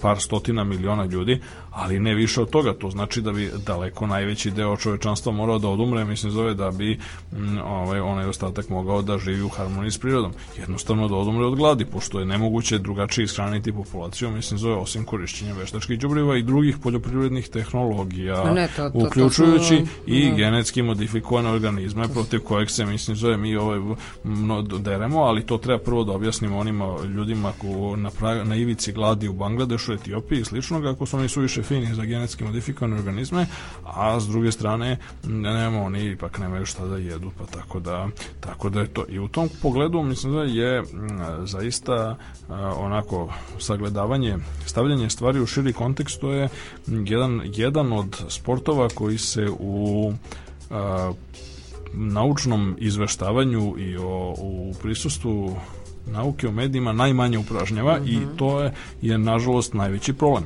Zato što se već ogromna većina stvari u nauci je praktično, kao što smo govorili više puta, maltene sve stvar konteksta. Da ponovimo. U nauci je praktično, kao što smo govorili više puta, maltene sve stvar konteksta. A i naredni deo slušajte pažljivo, pažljivo. Znači, ne postoji, e, ne postoji nešto, ne postoji nikakav kraljevski put što bi rekao Euklid, kralju Ptolomeju u, u geometriju, odnosno ni u druge oblasti nauke. I isto tako ne postoji nekav univerzalni algoritam kako se sad rešavaju svi problemi, nego naprotiv, radi se o tome da svaki problem definiše svoj kontekst, Znači, to je čuveni kontekst problemske situacije o kome je pisao Popper, koji zapravo definiše način na kojemu pristupamo i hipoteze koje ćemo koristiti i načine interpretacije tih hipoteza i tako dalje.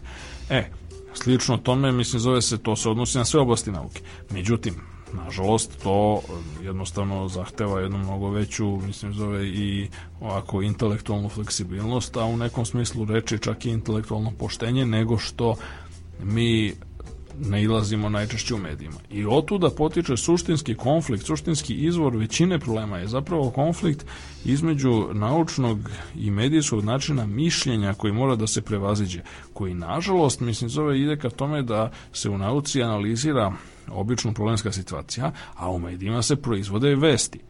I sad, mislim, zove, postoji, postoji jedna, neću, ajde, možda je konflikt suviše jaka reč, ali tenzija, mislim, zove, između ta dva načina delovanja, između ta dva ono, modus operandija.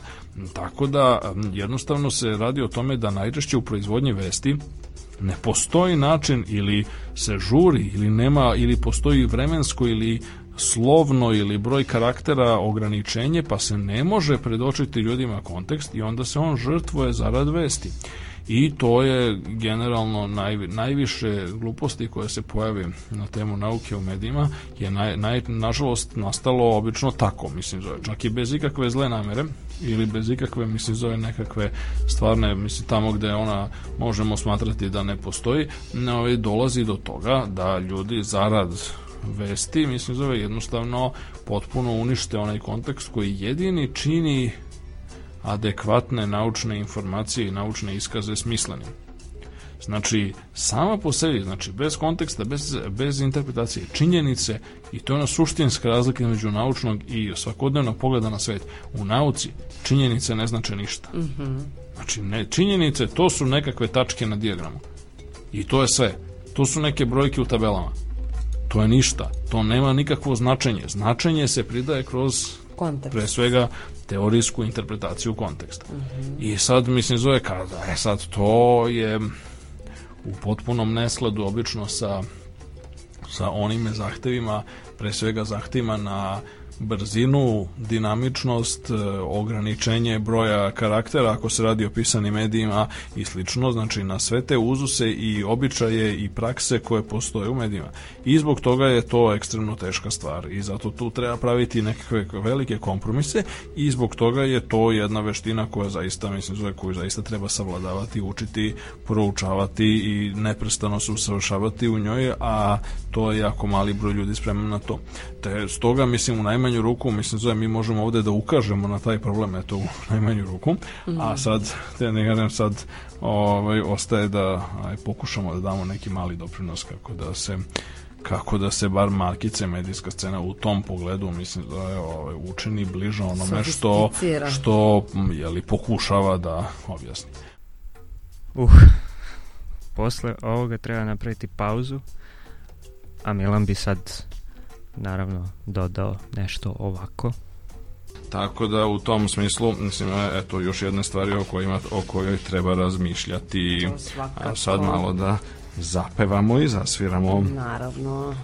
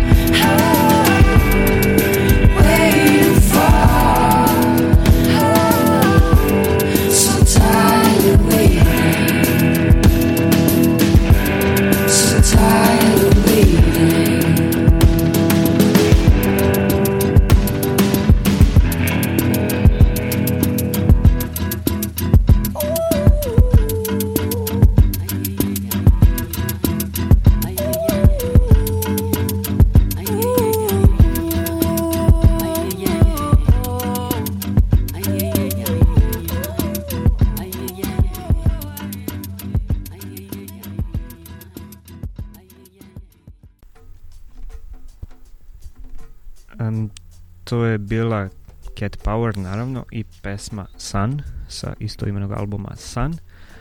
A kad već pričamo o elektronskim medijima i o tome kako predstavljati nauku u medijima, a pričamo na radiju, a pomenuli smo i Srđu Jankovića, hajde da čujemo šta je on u prošlogodišnjem, novogodišnjem izdanju Radio Galaksije govorio o tome i o nekim sličnim temama. Pitali smo ga za početak kako je to na Radio Beogradu i u njegovoj emisiji Solaris i kako je biti sa druge strane mikrofona kao gost. Srđene, kako je kod vas na radio? kako vama je malo drugačiji izgleda prostor nego pa ovaj evo, naravno ovde sledi ono opšte mesto kako je biti sa druge strane mikrofona. Mm -hmm. Naravno sve je potpuno drugačiji, ali cilj je zajednički.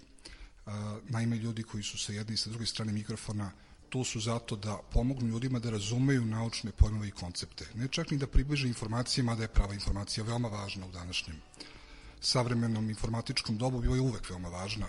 Ako čitamo Teofrastove karaktere, pa najđemo na karakter koji se zove širivac glasina, vidjet ćemo da se malo šta promenilo iako nije bilo interneta.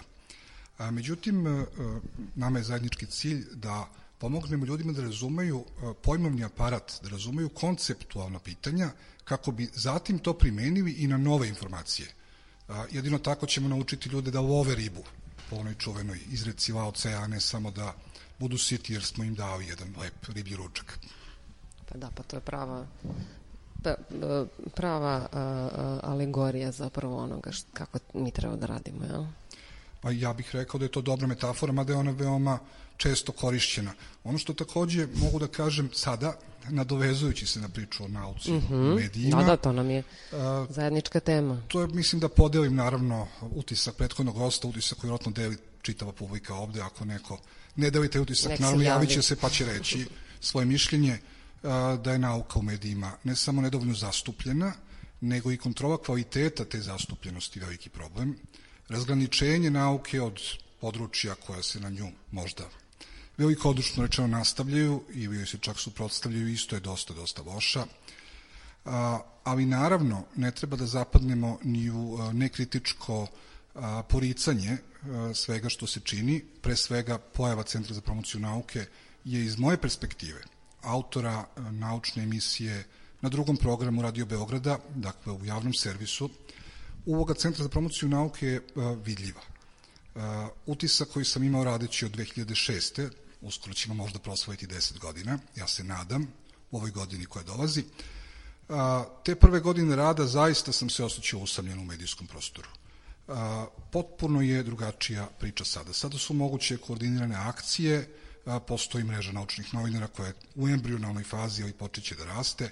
Postoje mnogobrojne a, situacije gde je moguće smisleno odgovoriti kako na nivou naučne zajednice, tako i na nivou posvećenih medija, a ovo posvećenih je ključno, koji su e, sposobni da razrešuju e, određene dileme e, koje mediji koji neoprezno priđu problemu bez odgovarajućeg predznanja, bez odgovarajućih mehanizama prepoznavanja onoga što je validno kao promocija nauke i onoga što to nije, mogu da se završe zaista katastrofnim primjerima masovne histerije kao što je bilo pomračenje sunca naravno koje stalno pominjamo, pa ću ja da ga pomenem, i naravno neki primjeri koji su možda manje drastični na prvi pogled, ali zapravo imaju mnogo gore posledice, jer na kraju krajeva od čučanja u ormaru niko nije umro ili malo ko.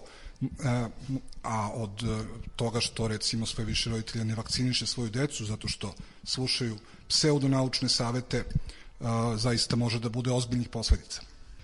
A, tako da ja, ja bih rekao, a, ako treba nešto da dam kao ocenu, uh mhm. -huh. a, bio bih oprezni optimista, stvari se popravljaju, nije da ništa ne radimo, a ogroman, ogroman posao je tek pred nama. Usput, Srđe je ukazao i na jedan bitan element izveštavanja o otkrićima u nauci, pre svega o senzacionalnim otkrićima i o velikim naučnim doprinosima. Pa da, naravno, Ovde je vrlo važno jedno opšte mesto, ja bih sad malo da filozofiram, kada sam već došao sa druge strane mikrofona, gde imam nešto veću slobodu. Imate da to činim. A, naravno da je neizbežno da svi mediji prave a, top liste najznačajnijih utisaka pa ako su to naučni mediji, onda su to utisci u nauci. Ne poričim ja značaj toga što radi časopis Science i drugi koji daju takve liste, to je važno za bolju vidljivost tih otkrića. Međutim, tu postoji jedan neželjeni efekt, a to je da se naglasak stavlja na otkriće, na nešto što se desilo, na čin, a ne na proces. Naravno da postoje prelomni trenuci u svakom procesu. tačke bifurkacije kada se može krenuti jednim i drugim kolosekom. Naravno da postoje i, veličanstvene otkrića koje su učinjene u, u naletu inspiracije jednog čoveka ili češće ipak nekog tima ljudi. Ali još češće otkriće je proces koji se odvija pred našim očima i često se odvija i neprimetno, korak po korak. U nekom trenutku smo se dotakli toga što se srđa, pored toga što se bavi popularizacijom nauke na radiju, e, bavi i naučnim radom, a on nas je podsjetio na koji je način korisno i bitno da postoje ljudi koji se na neki način bave popularizacijom nauke, a ujedno su na neki način i u naučnim vodama. E, da, može se reći, mada naravno da e, su moji naučni doprinosi infinitezimalni u odnosu na sve ovo o čemu pričamo, ali pošto je važno ovde približiti suštinu procesa, verujem da pomaže to što se time mhm, bavim, mhm, mhm. zato što sam onda svesni u kojoj meri je nauka proces. Svesni sam šta znači publikovati uh, jedan kvalitetan ili bilo kakav smislen naučni rad, svesni sam šta znači recenzija, svesni sam šta znači uh, koncepcija istraživanja, šta znači obrada rezultata. U tom smislu mislim da to nije zanemadivo. Pa da, pa ali u smislu i dakle komunikacije e, e, sa javnosti e, kao neko kao novinar, ali u isto vreme i naučnik e, puno puno e, preciznije puno, nekako puno ozbiljnije možete pristupiti temama iz nauke, jel tako? Kako? Pa ja ne želim da omovažavam ozbiljnost. Mislim, dobro, okej. Okay. Ozbiljnost je Ali stvar. možete detaljnije da obrađujete određene teme. Recimo da, da mogu bolje da poslužim kao most uh -huh. uh, u građenju nekog zajedničkog e, uvida u stvari koji, koji može ljudima da, da pomogne da razumeju koncept. Zašto stalno ponavljam tu reč koncept? Zato što e, mislim da osnovna jedinica tog značenja koje razmenjujemo je, je na tom konceptualnom nivou. Nisu tu bitne sad neke e, stručne reči koje, naravno, poželjno je da približimo ljudima i šta te reči znači. Mhm. -huh. A ja ne volim da prepričavam stručne pojmove, više volim da ih objasnim. Poznat sam po tome što koristim puno stručnih termina i dozvoljavam, odnosno, ne ometa moje sagovornike da ih koriste, ali insistiram da se oni objasne. E, mislim da je e, ključna stvar razumevanje i naravno da neko koji sa jedne i sa druge strane može da bude neka vrsta veznog igrača, nekoga ko na neki način e, katalizuje to mhm. razumevanje i tako vidim svoju ulogu. A kao što je i Čira isticao koliko je bitan kontekst u kome se govori o nauci, kao i u kakav se kontekst stavljaju naučne otkriće kada se o njima uh, izveštava, tako je i Srđa rekao vrlo sličnu stvar. Apsolutno, kontekst je zapravo presudan uh, bez razumevanja onoga što se nekad u, u teoriji psihologije zvalo gestalt, mm -hmm, zapravo još uvek se tako zove, uh, od nemačke izborne reči, koje zapravo može i da se prevede kao kontekst do nekle, nije to baš adekvatan prevod potpuno i može da se grubo tako prevede.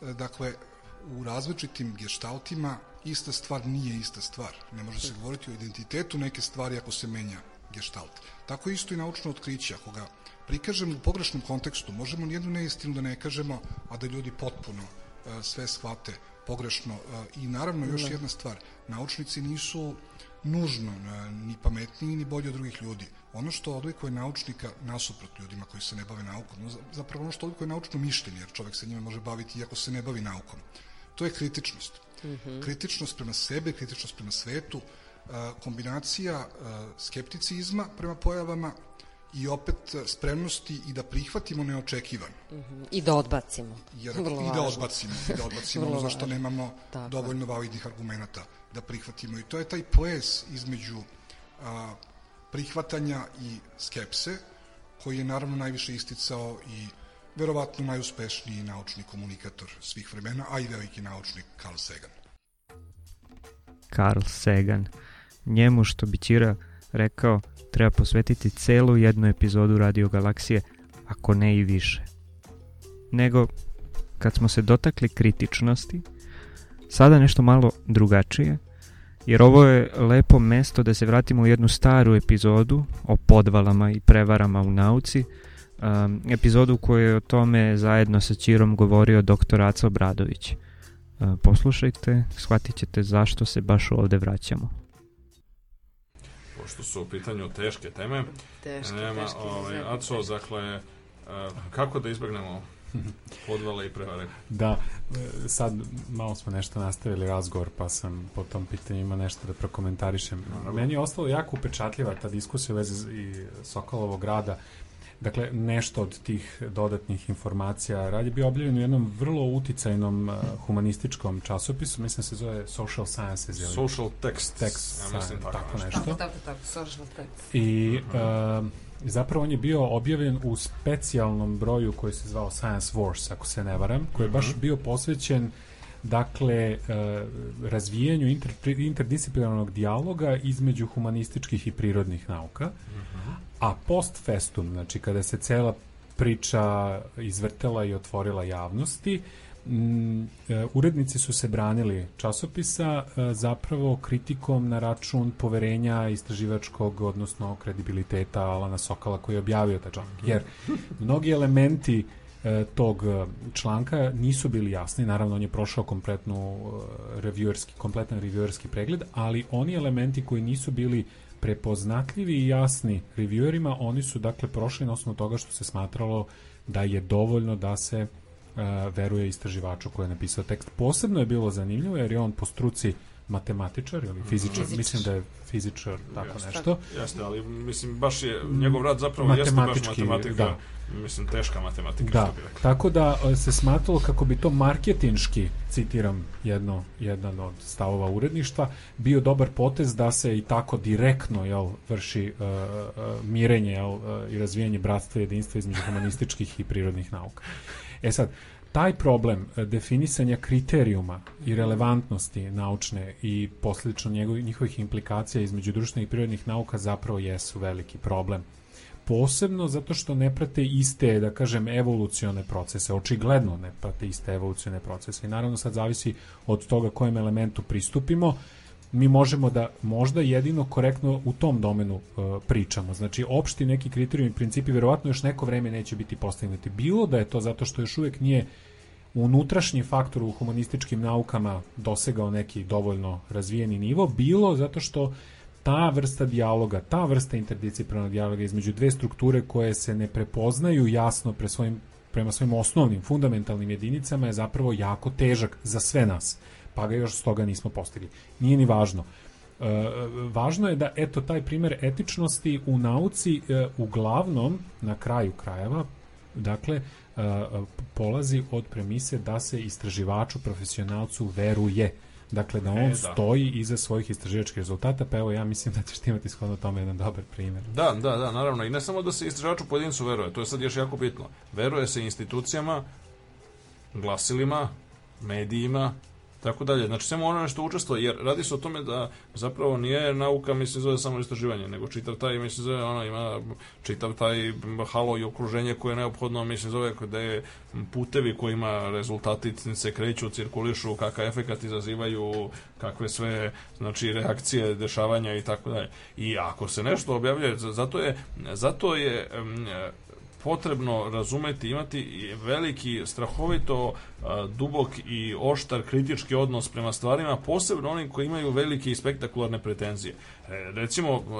primer na koji aludiraš je jako dobar zato što se odnosi na, na prvi pogled, čovjek bi rekao, mi se zove šta se može, gde, gde veće, gde ni, većeg, ni većih otkrića, mislim zove ni ono većeg uspeha, naime u periodu recimo oko dve i po do tri godine, 1998. do 2001. godine, e, čovjek po imenu Jan Hendrik Schoen, inače Nemac koji je radio u Belovim laboratorijama, je objavio 27 radova i to mahom isključivo u Science i Nature, znači kao najprestižnijim svetskim časopisima, to kao baš kažem zbog toga što mislim zove se ovde pokazuje, mislim da je ovaj, zbog toga njih relativno lakše i prevariti, upravo zbog toga što on tu pretendovao na senzacionalna otkrića, ali u najbukvalnijem smislu te reči, mislim, tu nema, ne, on je, se, baveći se eksperimentalnom fizikom čvrstog stanja, tvrdio da je otkrio ne samo visoko temperaturnu superprovodljivost, što je jedna vrsta ono velikog cilja i svetog grala kojim ljudi teže još jako davno od kad je superprovodljivost otkrivena, znači pro, provođenje električnih signala bez gubitaka koje je moguće uraditi danas, ali samo kad se provodnici ohlade blizu apsolutne nule, što izaze, što je jako skupo, teško i nepraktično. Ideja jeste da bi se isti taj, znači odgovarajućim, odgovarajućim pravljenjem odgovarajućih substanci, da bi se mogle odgovarajućih provodnika, moglo bi se to isto učiniti na nekakvoj visokoj temperaturi, mislim zove reda veličine sobne temperature. Ko otkrije superprovodljivost na sobnoj temperaturi, taj će dobiti Nobelovu nagradu smesta i mislim ne samo to, nego verovatno će postati on najbogatiji, ako ne i najbogatiji čovjek na svetu, zato što na kraju krajeva, mislim zove praktično uh, svi električni uređaji koliko nas koji funkcionišu, mislim zove se baziraju na provođenju sa gubicima, provođenje bez gubitaka bi dovelo, mislim zove do potpune revolucije revolucije u svemu tome, to je jasno. E, Dakle, Shen ne samo što je tvrdio da je eto postigao, napravio mislim visoko temperaturne superprovodljive uzorke, mislim da je tamo znači u vrlo uglednim Belovim laboratorijama, to treba naglasiti, mislim jednom od najvećih laboratorija na svetu za fiziku čvrstog stanja, već je otišao i korak dalje, on je tvrdio znači da je razvio stvari iz nanotehnologije koje su bile gotovo nesvatljive, samo mislim zove u nekakvim snovima su ljudi sanjali o tome da postignu naprave molekularne tranzistore, tranzistore koji su napravljeni od jednog pojedinačnog molekula, mislim zove i slično, koje on sve tvrdio da je, da je uradio i sve to potkrepljeno teškim nekakvim laboratorijskim rezultatima, diagramima, schemama i tako dalje. Znači 27 radova mi čovjek je objavio za oko 3 godine ovaj, o tome i usput, mislim da je naravno pored njega tu se potpisali razni njegovi mentori, saradnici i tome slično, mada su svi se složili da je on vršio te ključne eksperimente u laboratoriji. E, onda je, mislim, zove pukla bruka, mislim, pošto 2001. godine su ljudi ustanovili i to ne tako što su ponovili eksperimente, jer to je bilo suviše, mislim, zove skupo i nepoznano. Umeđuvremeno su, da ne, da naglasimo tri svetske konferencije održane posvećene samo diskusiji njegovih rezultata I vrlo verovatno da je on bio kandidat, izvesno je da je bio kandidat za Nobelovu nagradu. Mi to nećemo saznati dok oni ne otvore arhive. Tamo Nova Švedska akademija nauka ima period 50 godina za otvaranje arhiva, tako da ćemo se, još se načekamo da bi to saznali, ali gotovo izvesno. Mislim da je prosto, mislim da jedino možemo biti srećni, mislim da što, što mu nije i dodeljena, mislim da je pošto moglo i to da se desi, no, i da bi se ispostavilo, mislim da je to čista prevara on je čovjek, e, a otkriven je na taj način, mislim što je jednostavno bio suviše pohlepan, pa je postao onako nemaran, mislim zove, u prikrivanju rezultata podvala, pa je onda iskopirao u dva različita grafikona koja su predstavljala dva različita eksperimenta sprovedena u različito vreme sa različitim uzorcima i tako dalje, iskopirao onaj deo grafikona gde se prikazuje samo slučajni šum je izgledao isto. E sad, slučajni šum e, ne može da bude isti u dva različita eksperimenta u realnosti, mislim, zove. Dakle, to je sasvim jasno da je tu nešto. I kad su ljudi prve videli da tu nešto nije redu, onda posle bilo relativno lako, mislim, zove provaliti, mislim, zove o čemu se tu radi. I onda je, mislim, zove tu pukla velika bruka. Dakle, e, prema njemu lično kao pojedincu su preduzete neke sankcije, ali problem jeste što su neki od najodgovornijih, između ostalog recimo urednici časopisa, mislim zove vrlo moćnih tih časopisa su izbegli sankcije, mislim, koji je koji je, mislim, zove posebno skandalozno po meni, pošto su ta urednička mesta ekstremno, mislim, zove dobro plaćena pod jedan, ne, mislim, zove pod dva, što su ti ljudi, mislim, zove u prilici da utiču, mislim, zove svoje moći da utiču, mislim, zove na naučnu politiku i na to, mislim, zove šta će se i koji objavljuju, koji su sigurno odbili hiljadu drugih radova koji su bili manje interesantni, ali u svakom slučaju tačniji, mislim, zove od ovog lažnog, mislim, zove koji je, od ovih, mislim, zove tih lažnih, mislim, zove koji su, kako zove, prihvaćeni. A, ono što jeste dobro jeste da je to opet podstaklo, mislim, kad je to, znači, početkom 21. veka, mislim, zove se desila, eto, na samom početku 21. veka desila jedna velika prevara, zaista, ovaj, zaista velika po svakom kriterijumu i onda je to upravo podstaklo opet diskusiju o tome kako ćemo, mislim, zove da izađemo na kraj sa tim, kakve ćemo protokole da implementiramo. Do sad se obično, znači, eto, same Beloje laboratorije, a i druga mesta gde se, mislim, da vrše slične istraživanja su implementirale neke svoje interne protokole, a mnogo se diskutuje o tome kako bi trebalo napraviti globalni, mislim, zove protokole te vrste, mislim, koji će biti primenjivani u svim laboratorijama, ovaj, da bi se to izbeglo. Jedan od, recimo, razloga zašto je, mislim, on se između ostalo jedno branio time, mislim, zove što je došlo zbog kompjuterske greške, mislim, zove je slučajno obrisao, mislim, zove jedini mislim zove jedinu verziju, mislim zove ovih, znači dnevnika, mislim zove eksperimenata i tako dalje, koja je, koja je bila tu. E, to je moguće da se desi, niko ne spori da se to ponekad i dešava, mislim zove da svako od nas je obrisao, mislim zove ponekad nešto greškom što mu je trebalo, ali recimo zabraniti da bilo šta postoji u jednom primjerku, znači strogo zabraniti i sankcionisati bilo koga, mislim zove ko ne pravi više primjeraka, mislim zove ono svih bitnih fajlova i, i tome slično. Jedan samo kao trivialan primjer, ali kao primjer onoga, mislim zove što može da se uradi, mislim zove koliko toliko.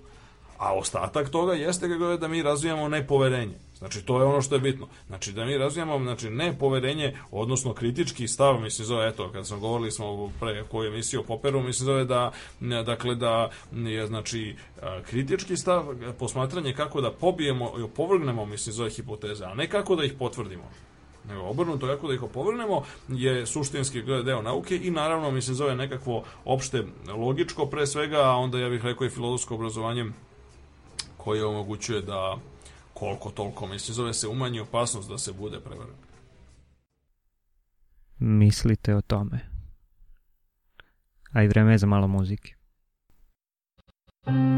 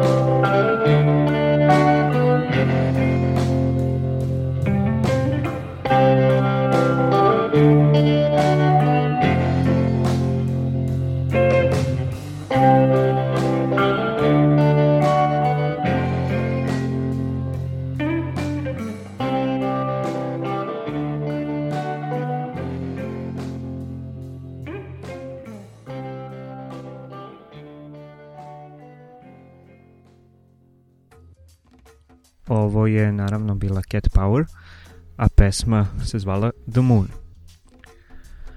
A sad, da se vratimo popularizaciji nauke koja koliko god da je kao delatnost možda kontroverzna, čudna, nova, upitna i tako dalje, svakako predstavlja jednu temu koja je interesantna i koja u raznim krugovima pobuđuje razna pitanja i razne rasprave. A i Radio Galaksija je radio emisija koju svrstavamo u popularno naučne ili naučno popularne medijske sadržaje, te u tom smislu to je ono čemu moramo stalno da se vraćamo i ono što moramo stalno da, da razmatramo i da preispitujemo. Evo jednog interesantnog isečka u kom Ćira priča o, hajde da kažemo, istoriji popularizacije nauke i njenoj ulozi nekada i danas. A, dakle, jedna stvar jeste da sad ima nekih fenomena koji su specifični i ove, ovaj, lokalni za ovdašnje prilike i ovdašnje prostore. Ima nekih koji su na sreću ili nažalost globalnog karaktera i od kojih se naprosto ne može pobeći. A, popularizacija nauke, ono što ljudi ne shvataju jeste da je to kako god čovjek posmatrao i sa koje god ta, tačke uzimo relativno nova stvar. A, dakle, ljudi su uprkos nekim herojskim pokušajima, ljudi koji su bili, ne znam, Camille Flammarion u 19. veku i tako neki, neki ta, recimo Eddington koji je pisao neke popularne knjižice i držao neka predavanja tamo 920. i 30. godina, a, u, u određenom smislu reči to je bilo daleko ispred svog vremena i bilo je mnogo manje uopšte, mislim, nije se doživljavalo ni kao neka zasebna aktivnost, a pogotovo nekako je danas da, da zapravo ljudi na neki način smatraju da je to samo po sebi jedan značajan i bitan cilj, da to nije znači nešto što ima tek uzgrednu i instrumentalnu vrednost, nego što nešto što je takvo da a, vredi investirati resurse, vreme, energiju, ljudske i materijalne resurse u popularizaciju i promociju naučnih rezultata i to do te mere da je recimo Evropska unija odnosno Evropska komisija je u a, svojim ciklusima a, projekata i prethodnim ovim FP6, FP7 i ovaj sad Horizons 2020 je zapravo nametnula kao standard i kao nešto što je obavezno za sve projekte da moraju da, da imaju relativno visok procenat učešća aktivnosti koje se tiču promocije i popularizacije nauke u njima. A, i to za sve važi, mislim, i važi recimo za ceo nekakav ciklus koji, koji vredi recimo, ne znam, 40 milijardi evra ili tako nešto, sve ukupno od toga će 10% ili 15% biti uloženo na ovaj, ovaj način u promociju, popularizaciju nauke u prisustvu povećanje vidljivosti naučnih rezultata u javnosti i uopšte na interakciju sa društvom. E, u pogledu sa toga, e, to je relativno sve tekovina novijeg datuma i to je nešto što potiče, recimo, na primer, e, moglo bi se reći u nekom stvarnom obliku iz 1900, recimo, 70. godina, otprilike, otprilike 70, 60. i 70. godina, posebno 70. godina kada su ljudi, recimo, kao što je bio Carl Sagan, kao jedan od ono pionira i, e, i, i velikana popularizacije nauke, zaista pokazali da je moguće, e, koristeći pre svega elektronske medije, ovaj, moguće je približiti neke od stvari koje se činile abstraktnim, nedostižnim, nerazumljivim, nesvatljivim i tako dalje, zaista u bukvalnom smislu reči milionima i desetinama miliona ljudi. Ono što treba imati na umu jeste da se e, e, da recimo je u to vreme to nailazilo na jedan žestok otpor i to po najviše iz ortodoksnih naučnih krugova koji su recimo između ostalog u skladu dakle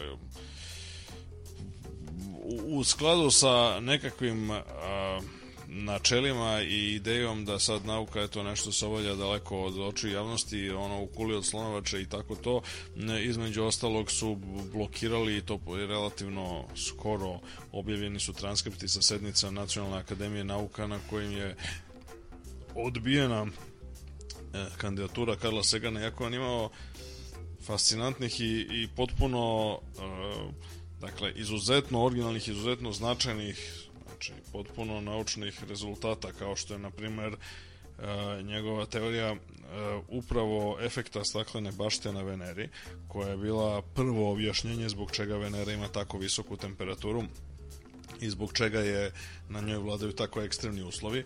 A, to je u potpunosti bilo Seganovo delo i ima još gomila drugih stvari i njegov dakle taj čisto naučni portfolio je bio impresivan u svakom pogledu, mnogo impresivniji od mnogih članova akademije, ali on je bio odbijen pod izgovorom koji je čak i eksplicitno naveden u, u, u tom transkriptu, odnosno nekoliko debati koje je usledila, a, je nekoliko članova akademije izrazilo tu bojazan da to znači da će sada oni biti više na o, izloženi medijima, da će se češće morati pojavljivati na televiziji i da je to jedan trend kojim oni moraju da se suprostaju. Pa dobro, ako uzmemo da je strah od javnog nastupa jedan zapravo a, najveći strah pa, svih ljudi na planeti Pa okej, okay, ali mislim to, to je zaista, neobično. to odražava jedan stav koji nam se danas može zaista činiti čudnim a, u pogledu a, značaja i, i važnosti pojavljivanja nauke u medijima. A to je tako i kažem ljudi su ono nije sad u najmanju ruku nije, nije sad da je ono eto Carl Sagan nešto da je nešto njemu realno falilo zbog toga ali to pokazuje kakav je bio odnos i stav jednog dobrog dela te elitističke naučne javnosti u odnosu na, na to. Evo, umeđu vremenu bi neki rekli da su stvari promenile u najmanju ruku zbog toga što između ostalog sad imate i nagradu koja nosi ime Karla Segana ovaj, koja se dodeljuje upravo za rezultate u promociji popularizacije nauke. A, e sad, ono što je, ono što je dobro pitanje jeste u kojoj meri u kojoj meri se to zaista promenilo, odnosno u kojoj meri je, mm, je prisustvo nauke u medijima takvo da dovodi do poboljšanja naučnog obrazovanja sa jedne strane, a ne samo do toga da se eto a, i nauka na neki način stavi u, a, u kontekst i u službu pravljenja spektakla, industrije zabave i slično. To je ono pitanje I, koje je veliko. Prodaje ono reklamnog prostora. To je ono pitanje koje sad, o kome sad treba da, da razmislim. A na koje sve to načine popularišemo nauku i na koje se sve to načine populariše nauka i zašto je važno baviti se uh, popularizacijom, odnosno približavanjem nauke javnosti i širiti i produbljivati obrazovni aspekt ove nove discipline kroz par primera 3-4 sad. Mislim, radi se o tome da se nauka medijima pojavljuje kroz nekoliko kategorija. Jedna je stvar nešto što se može smatrati popularizacijom nauke i popularnom naukom. Recimo tu su karakteristični, mislim da zaista specijalizovani specijalizovani mediji, specijalizovani časopisi. Evo, na primjer, na kod nas na našoj stranici na Facebooku Radio Galaksije imamo link između ostalog na recimo New Scientist. New Scientist je britanski časopis sa već onako solidnom tradicijom da kažemo koji je koji dakle je e, specijalizovani časopis posvećen popularizaciji nauke. Kod nas je nekada bilo ko stariji slušalci se prisliti je izlazila recimo slavna galaksija po kojoj naša radio galaksija dobila ime a to je znači kao izlazio kao pa, mesečni časopis tamo negde 70-ih i ranih 80. godina ja izlazio vam po nešto, mislim zove i tu nešto do 90. 91. druge su bili neki pokušaj da se vaskrsne, a zlatno doba je bilo otprilike kada je urednik bio nažalost pokojni Gavrilo Vučković, e, tamo negde da kažemo između, ajde, grubo govoreći između 1975. i 85. I u tom periodu Galaksija je bilo zaista onako ozbiljan časopis, onako sasvim na Pa dobro, ako baš ne na nivou New Scientista, ali ne, ne, mnogo, ne mnogo ispod toga. A, za naše uslove više nego, više nego dobar, mislim, zove više nego sjajan časopis. A, I ono što, ono što je ono što je bitno jeste da su to Znači, taj odsek, hajde tako da kažemo, pristo nauke o medijima, je nešto što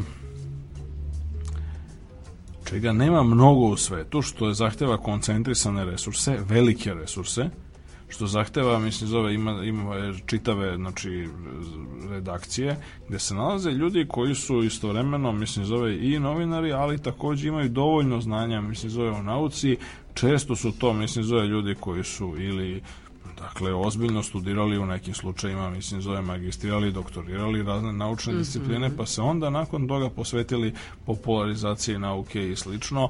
A, često su to ljudi opet koji su m, na neki način, mislim, zove, recimo, recimo, na primer, iz iz oblasti koje, u kojima je uticaj nauke i posebno tehnologije mnogo veći, recimo računarskih nauka, mislim, zove indu, softverske industrije to, to, i slično. To.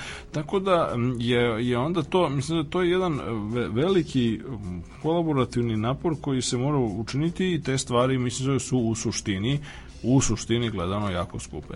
A, analogija tome je u elektronskim medijima su recimo ove specijalizovane, znači specijalizovani programi kao što su recimo BBC-evi ili mislim zove mm -hmm. ili Discovery ili, ili History Channel i tako dalje, koji su kao što znamo vrlo popularni na pre svega na kablovskim televizijama, a, a kao što znamo i kao što možemo da vidimo već iz sasvim letimičnog pogleda na njihovu produkciju možemo da zaključimo da je to nešto što je veoma skupo i veoma ambiciozno i veoma se ozbiljno radi i zahteva jako, jako velike, mislim, zove, znači i materijalne i ljudske resurse.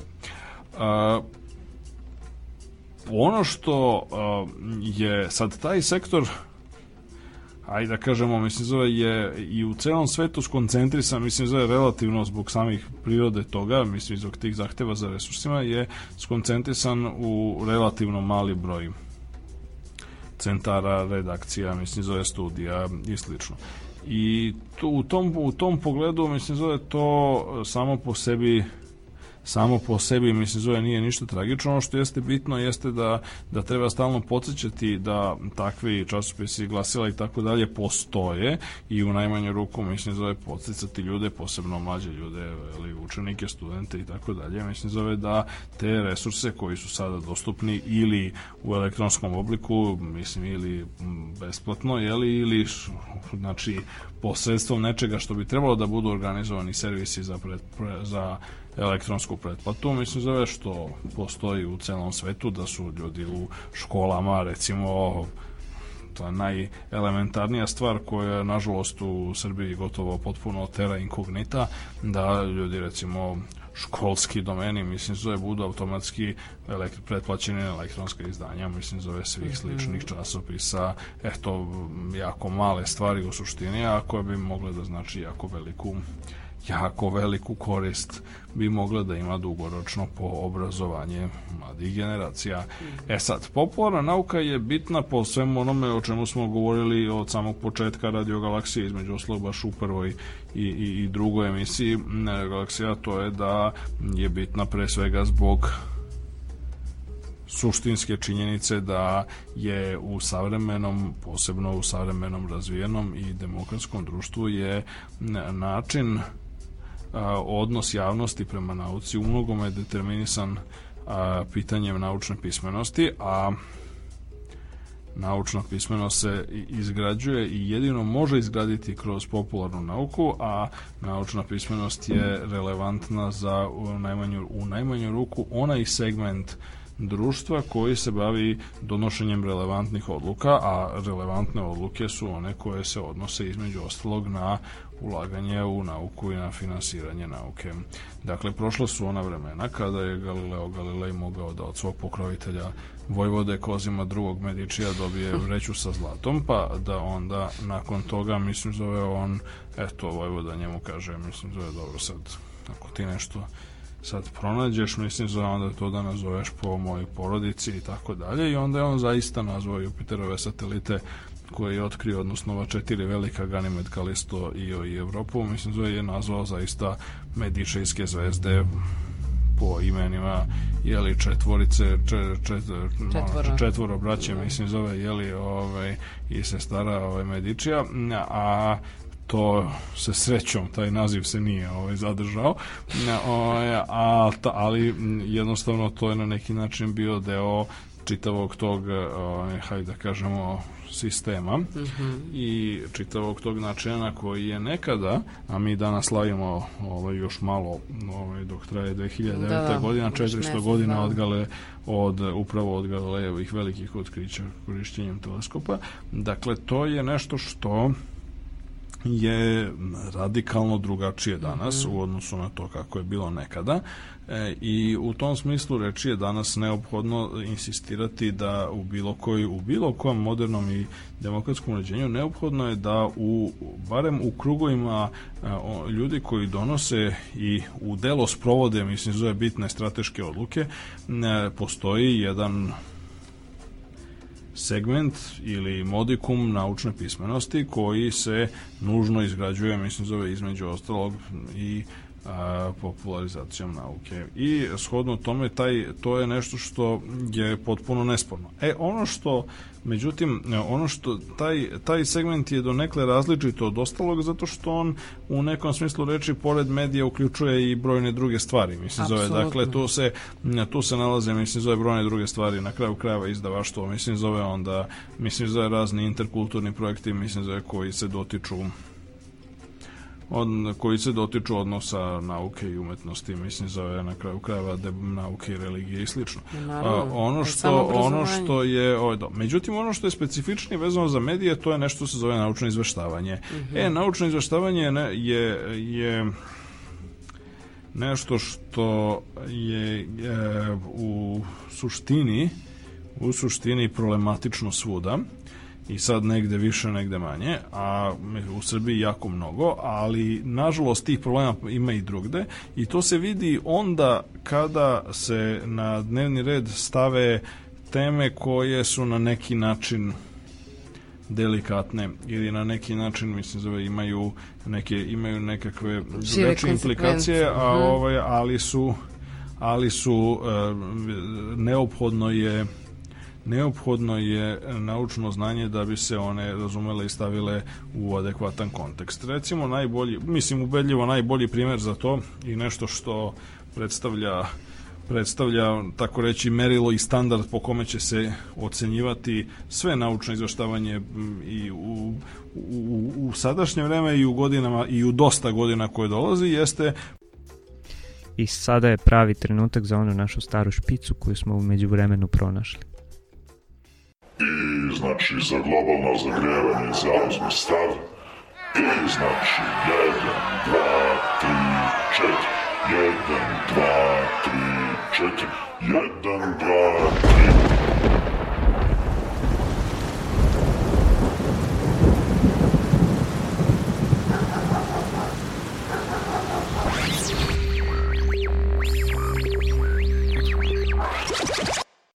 pitanje medijske pokrivenosti globalnog zagrevanja i odnosno klimatskih mhm. promjena.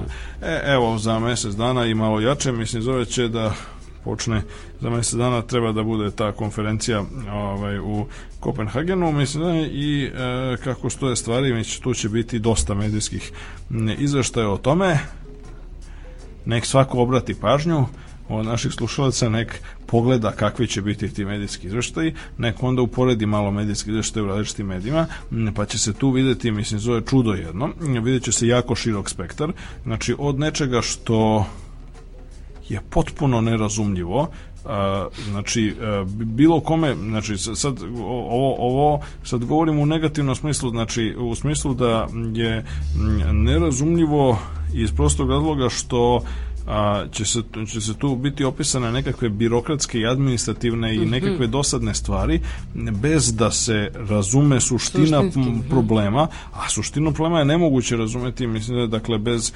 ulaska u e, čitavu komplikovanu problematiku, znači mm. nauke o klimi, o efekta staklene bašte, mislim zove antropogene i prirodne emisije gasova staklene bašte i tako dalje. E, pa to je s jedne strane, do sa druge strane karikaturalnih prikaza prikaza koji, eto, mislim, zove koji dalje vrlo često preovlađuju i zbog kojih se, recimo, ne razume suštinska činjenica. To je da, s jedne strane, efekt staklene bašte jako opasan, s druge strane, zahvaljujući efektu staklene bašte, mi sad smo u poziciji da pričamo i ovde sedimo u studiju i da pričamo o tome i da budemo mm -hmm. uopšte u životu, zato što da nije efekta staklene bašte, prosečna temperatura na zemlji bi bila negde, recimo, Puno pa minus 15 stepeni, ne, recimo minus 15 bi bila bez efekta staklene bašte prirodnog, a inače prosječna temperatura na zemlji je nešto oko plus 10, plus 11 kad se usrednji po svim geografskim šinama mm -hmm. i po, po celoj godini. E sad ta razlika od 20 i nešto stepeni je zahvaljujući prirodnom efektu staklene bašte koji ne zagreva zemlju u odnosu na ono što bi ona, temperaturu koju bi ona imala da je jedina stvar koja odlučuje o temperaturi njena udaljenost od sunca. Mm -hmm. Prema tome, znači, postoji prirodni efekt staklene bašte koji je sasvim dobroćudan i koji mhm. je sasvim e, neophodan zapravo za našu egzistenciju. Postoje bi neki život na zemlji da je temperatura niža, a to bi verovatno ne bi otišlo dalje da, od bakterijskog, razvoja, bakterijskog da. ovaj, nivoa, pošto mislim da je jednostavno na, na, na niskim temperaturama zaista samo ekstremno robustni, znači ekstremofili kako se već zovu, mogu da opstanu. E, i, tako da, i recimo, to je jedna stvar. E sad, da bi se razumelo zašto je ovo antropogeno globalno zagrevanje opasno, treba, tako, znači, pored tih stvari, znači, treba razumeti nešto, znači, klimatologiju, astronomiju koja je odlučujuću, mislim, mnogo se govori, kad se govori o globalnom zagrevanju, to se često se pominju upravo i recimo čuveni Milankovićevi ciklusi, pa sad razumeti u čemu se sastoji, mislim, zove ciklusi prirodnih promena u klimi na zemlji koja je uzrokovana njenim promenama, dugoročnim promenama njenih orbitalnih elemenata, odnosno ciklusima ledenih doba i među ledenih perioda, mm -hmm. a, koje je prvi razumeo kako treba, mislim, zove upravo Milutin Milanković, je zapravo to razumeti, to predstavlja jedan i to predstaviti na način koji je razumljiv širokoj publici koja je znači u najmanju ruku pismena, ovaj, da. ali je različitog profila zaista je nešto što profila. nešto što je veliki izazov. I to ima jako malo ljudi koji su i ima jako malo i u svetu, a kod nas je taj broj praktično mislim zove ravan nuli, ne, nažalost, i zbog toga mislim zove se e, zbog toga treba e, tu vrstu vesti koja ima bitnu naučnu komponentu uzimati sa ogromnom rezervom. Slično se radi, mislim, zove kada se radi o vestima koje se isto dotiču pitanja koje je nemoguće zapravo razumeti bez upoznavanja nekih, nekih ovaj, segmenata nauke ili nekih iskaza, hajde tako da budemo najelementarniji koji se tiču, mislim, zove nauke, to su recimo stvari kao što je, na primer, pitanje nuklearne energije. Mm -hmm. Za i protiv nuklearne energije koje, koje je u neku ruku na mala vrata postalo ponovo aktuelno, a postaće tek aktuelnije, mislim, zove u budućnosti ponovo i ponovo će postati aktuelniji u našim krajima. Onda recimo naravno pitanja kao što su mislim zove odluke koje su od strateškog značaja za a, nauku mm -hmm. u mhm. nekom društvu, ali s, e, posredno gledano i za društvo kao celina. Recimo, recimo, a, tokom 90. godina postojala, postojala su dva, u stvari to je počelo još ranije, ajde da kažemo, mislim, jedan je počeo mnogo ranije, ali u, evo, ajde da kažemo, u novijom istorijom srpske nauke, ajde tako da se izrazimo onako birokratski, novijom istorijom srpske nauke, dominiraju zapravo dva megalomanska projekta, jedan u oblasti prirodnih i jedan društvenih nauka. U, u, u prirodnih nauka je bio nekadašnji, nadamo se, zauvek pokojni akcelerator u Vinci, odnosno ono što se pompezno nazivalo akceleratorska instalacija Tesla, odnosno AIT, koji srećom, mislim, zove nije završena nikada, pošto da parafraziram Freemana Dysona koji to rekao za jedan drugi akcelerator, ne, jedina gora stvar, mislim, zove od ovaj, gora, jedina gora stvar od odluke da se nešto, da se izgradi, mislim, zove ta mašina, bilo bi da je ona zaista izgrađena. Mislim. O, i tako da, m, e, tako da u tom smislu reči ona je otpočela, nažalost, progutala silne pare, mislim, tada, a nije nikad završena i ne može da bude završena jednostavno, pošto projekat je onako izgubio smisao u jednom trenutku tokom beskonačnih odugovlačenja. Nije imao smisla, mnogo smisla ni na početku, ali ajde da kažem uslovno govoreći ima. A drugi, naravno, ovo društvenih nauka je legendarni rečnik srpskog jezika ovaj, Srpske akademije nauka koji se, eto, ne znam do kog slova je stigao, mislim zove ne, obradio je jedno desetak slova otprilike i onda je već počeo da zastareva, pošto ona prvo, pošto je slovo A već zastarelo, mislim zove, pošto su među vremenu sam jezik promenio i tako dalje i tako bliže. Dakle, to su, međutim, e, od njega se još uvek ne odustaje i to je, mislim, zove, to, to ćemo da vidimo kad će se odusta, ali to je svojevrsno, to je, to je akcelerator, mislim, zove za ove, ajde da kažemo, društvene i humanističke nauke. Um, međutim, akcelerator u Vinči je o, zanimljiva priča po tome što je to bio omiljeni projekat Mire Marković, priča se, a, a uopšte generalno gledano, znači vladajući i Jula, mislim sve, koji je bio jako prisutan u rukovodstvu Vinče. I e, u suštini to je na neki način, mislim, zove bio izraz te naše megalomanije koja je tokom 90-ih mislim zove doživjela tako mislim zove fenomenalno ako tako reći jedno, jedno otelotvorenje u raznim stvarima pa između ostalog i u tome što su pojedinci predstavili to vladarima srpskim kao nešto što eto nema ni jedna druga zemlja u, u, u bližem i, i srednjem okruženju. I sad umesto da se naravno ljudi pitaju pa dobro zašto to onda nema, zašto je to tako? Mislim zove ne, oni su se oduševili tom idejom da mi treba da imamo nešto što niko drugi nema.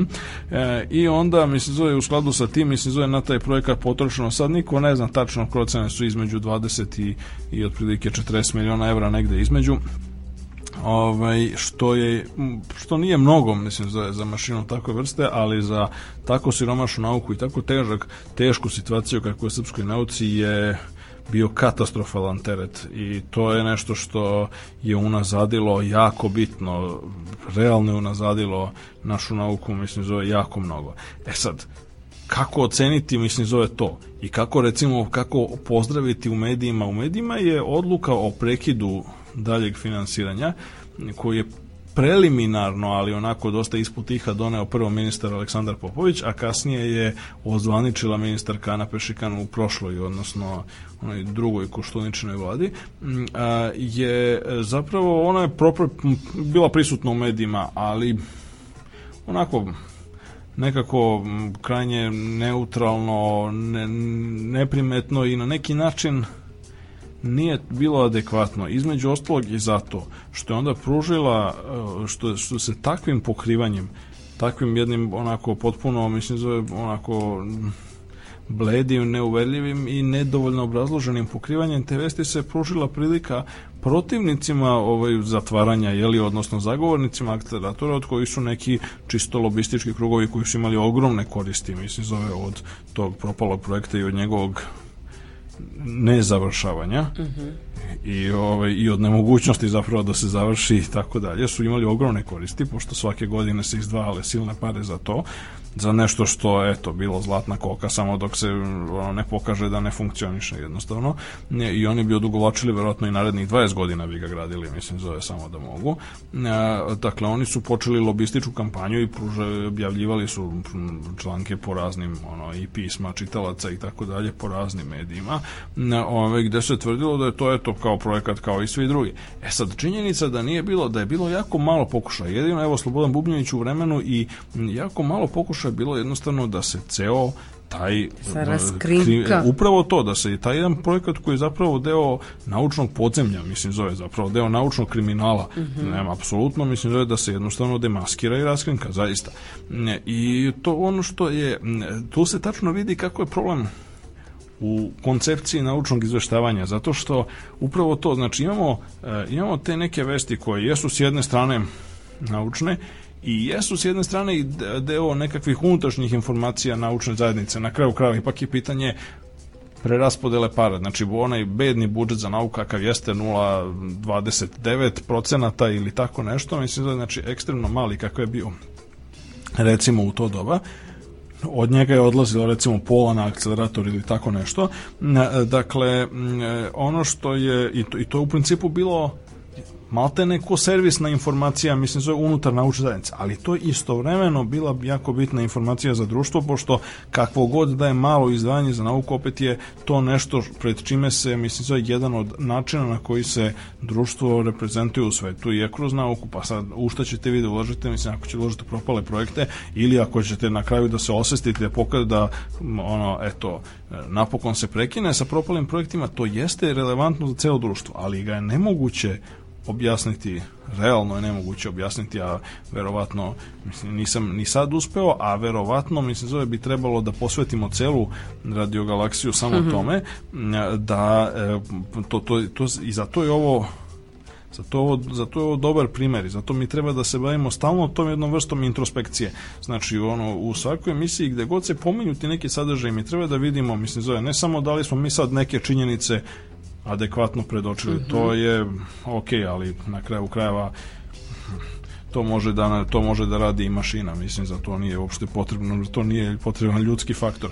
Ono što jeste bitno mislim zove i zašto je ljudski faktor bitan jeste ona interpretacija do koje se dolazi mislim zove u medijskom prostoru i u medijskom radu a to je ono što je suštinski zadatak naučnog novinarstva i sad da li će ga ono ispuniti ili neće to je ono što zavisi pre svega od toga. I postoje li takvi kadrovi ili ne Eto, nadamo se da smo u ovoj jubilarnoj epizodi kroz ovu svojevrsnu introspekciju makar malo uspeli da propitamo sve ovo što radimo i da nismo daleko od nekog ispravnog puta interpretiranja i približavanja nauke na radiju i generalno. A sad? I sad malo da zasviramo. A, po, da, pre nego što pređemo na poslednju rubriku ove emisije muzika. Jeste.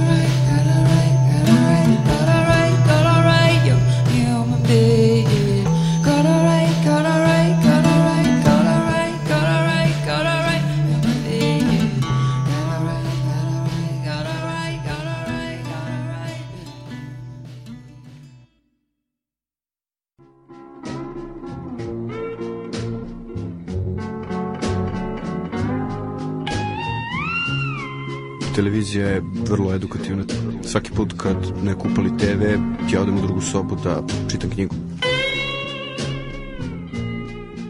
Prljava knjiga nikad nije prašnja.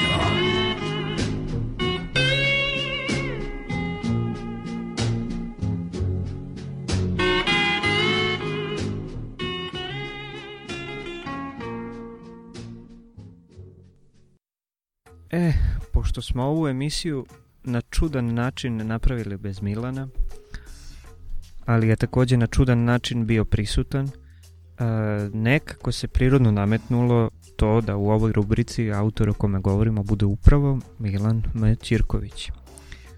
A knjiga o kojoj ćemo govoriti je Artefakt za svemirsko putovanje.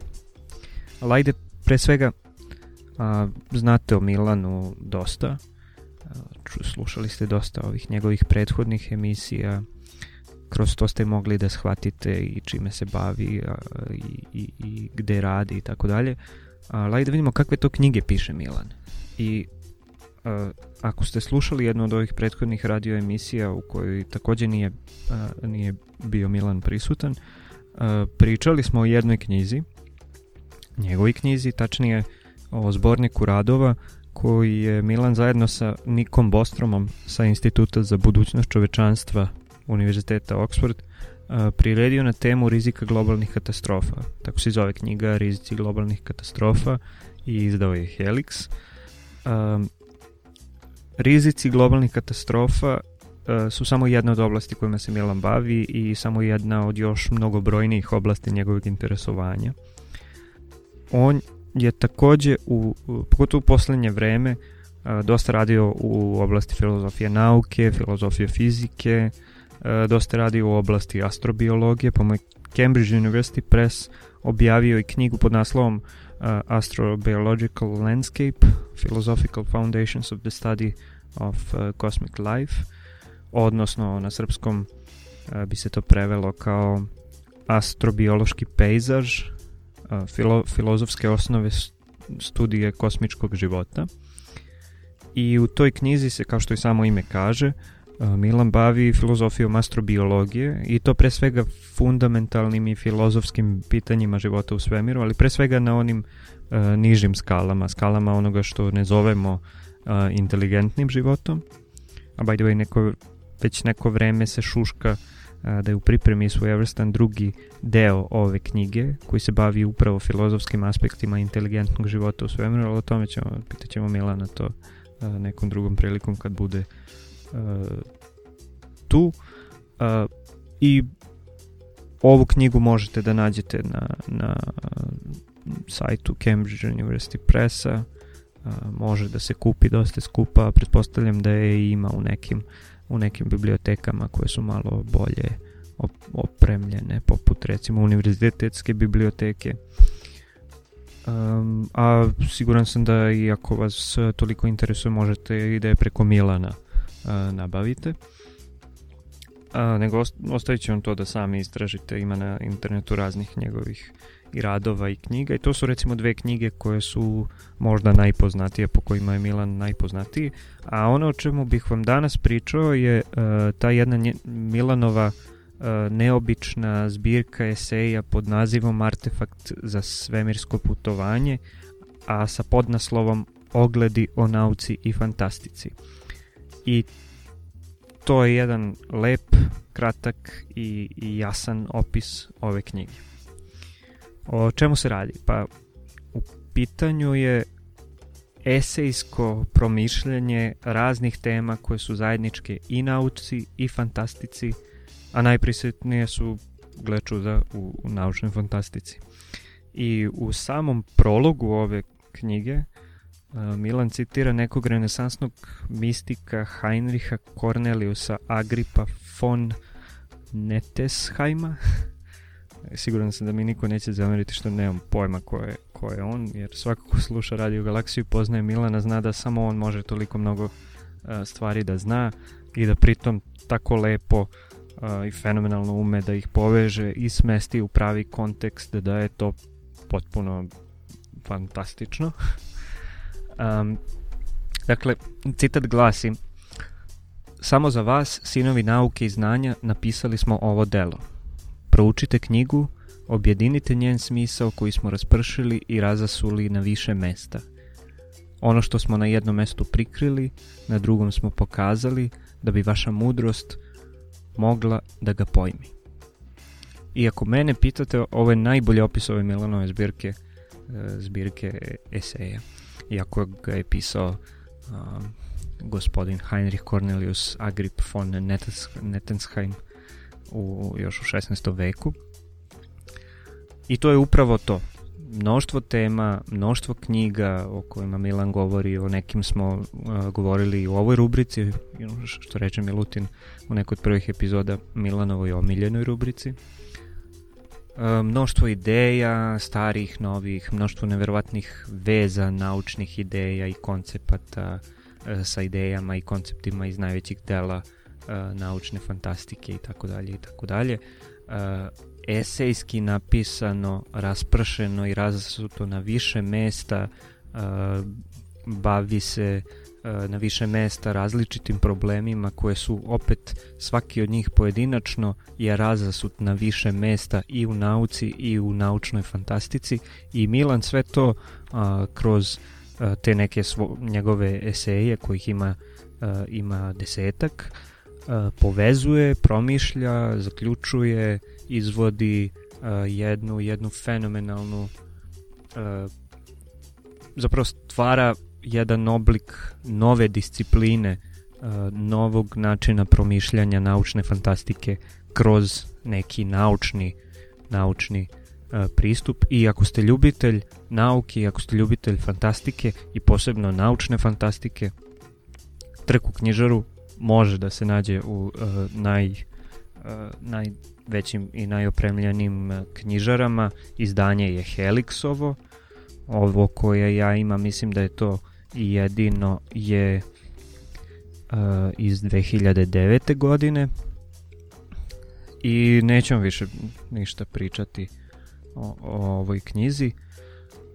Svako je doživljava na svoj način i istražuje na svoj način i kroz svoja interesovanja i za fantastiku i za nauku i kroz svoje poglede i na fantastiku i na nauku.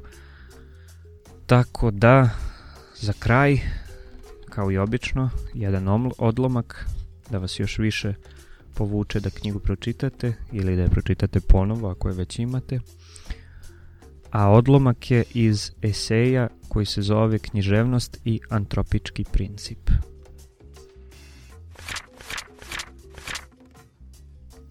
Antropički princip samom ovom izrazu Sabatov esej prethodi gotovo 30 godina otprilike isto koliko i Rutherfordovi jednostavni ogledi sa atomima prethode nuklearnom oružju, baca potpuno novo svetlo na ovu temu i zaključak.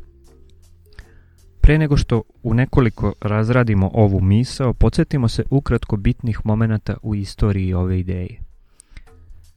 Ima li univerzum koji nastanjujemo svrhu jedno je od najstarijih pitanja koje čovek postavlja o sebi. Antički atomisti, Leukip i Demokrit, prvi su zagovarali ideju da se sve što se dešava u fizičkom kosmosu dešava po nužnosti, odnosno neminovno – Oni su to zasnivali na jednoznačnosti interakcija između mikrodelića sveta, atoma, a taj se argument u znatno razvijenijoj formi naravno koristi i danas. Vidjeti recimo odličnu popularnu knjigu Stevena Weinberga Snovi o konačnoj teoriji.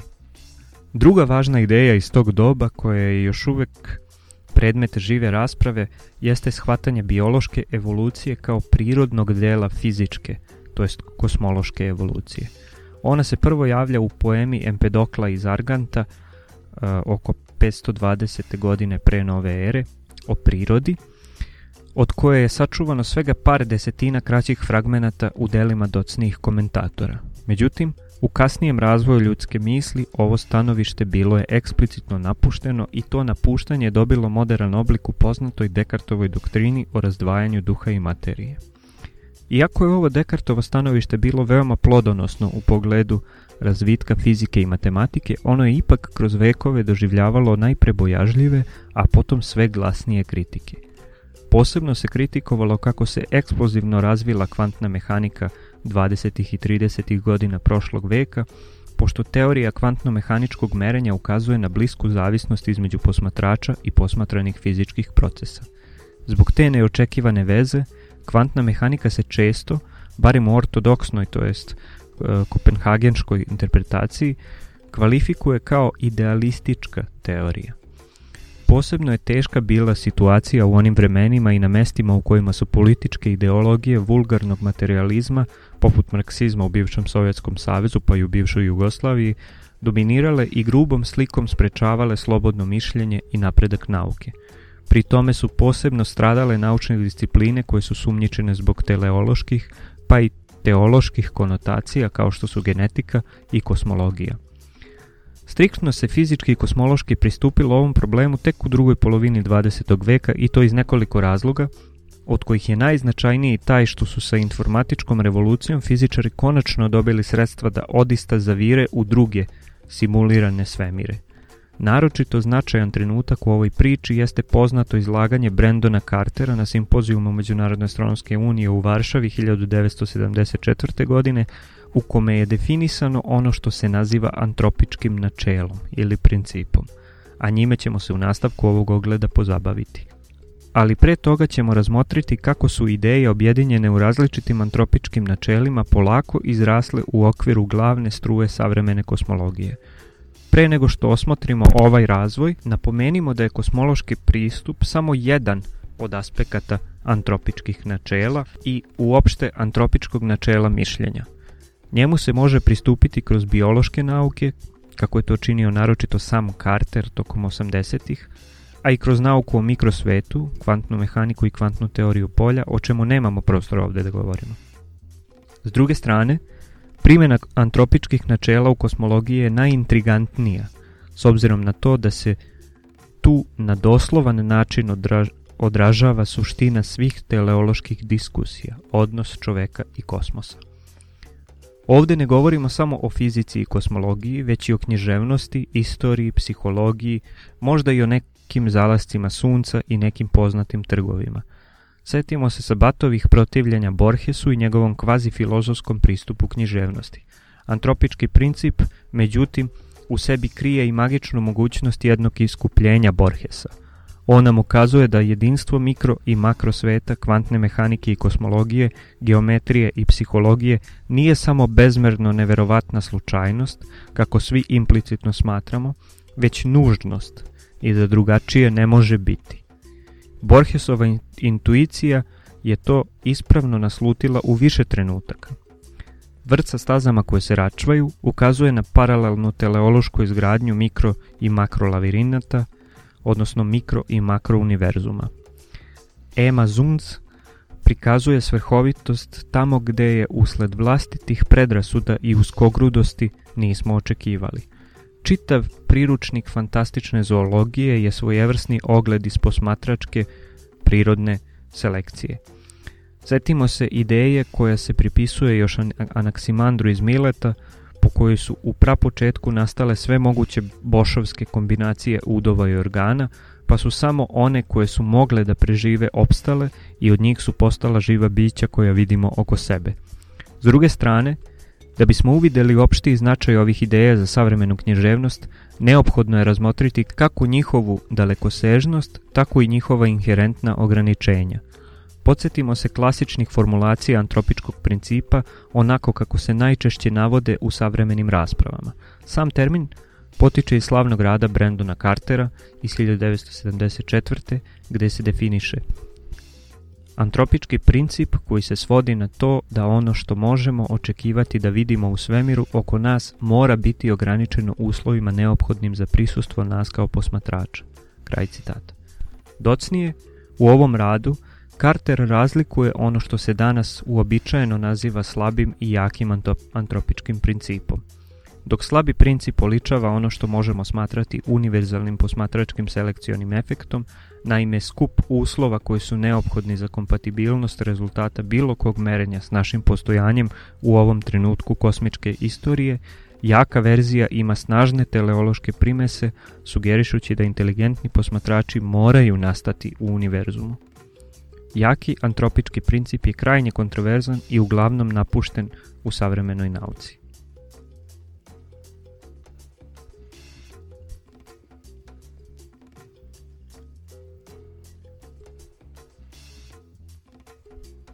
To bi bilo sve za ovu jubilarnu stotu epizodu. Nadam se da ste uživali, nadam se da je uh, bilo interesantno i da je bilo, uh, kako smo i najavili, nešto specijalno.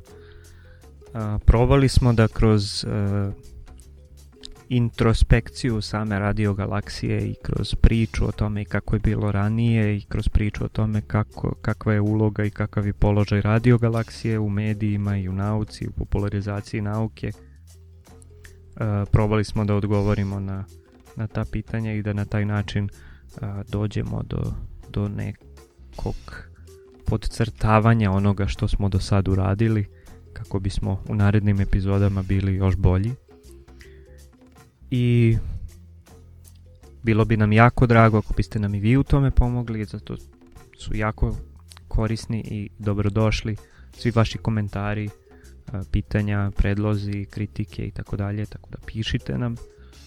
Možete nas naći naravno na Facebook stranici i na e-mailu radiogalaksija.gmail.com Mi ćemo se truditi da na sve to odgovorimo u narednim epizodama. A do tad možete nas slušati na Mixcloudu, adresa je mixcloud.com kroz Radio Galaksija. Možete nas naći na sajtu Elementarium, Centra za promociju nauke, gde možete downloadovati snimke. Možete nas naći na Fitzburner arhivi ili jednostavno Možete nas i slušati na svom mobilnom telefonu ili nekom MP3 playeru gde god poželite. I da, javite se sa interesantnim pričama o tome gde ste sve slušali i u kojim situacijama Radio Galaksiju. Pozdrav od cele ekipe Radio Galaksija, a čujemo se u sledećoj 101. epizodi. Doviđenja. Do sledećeg slušanja. Doviđenja, prijatno.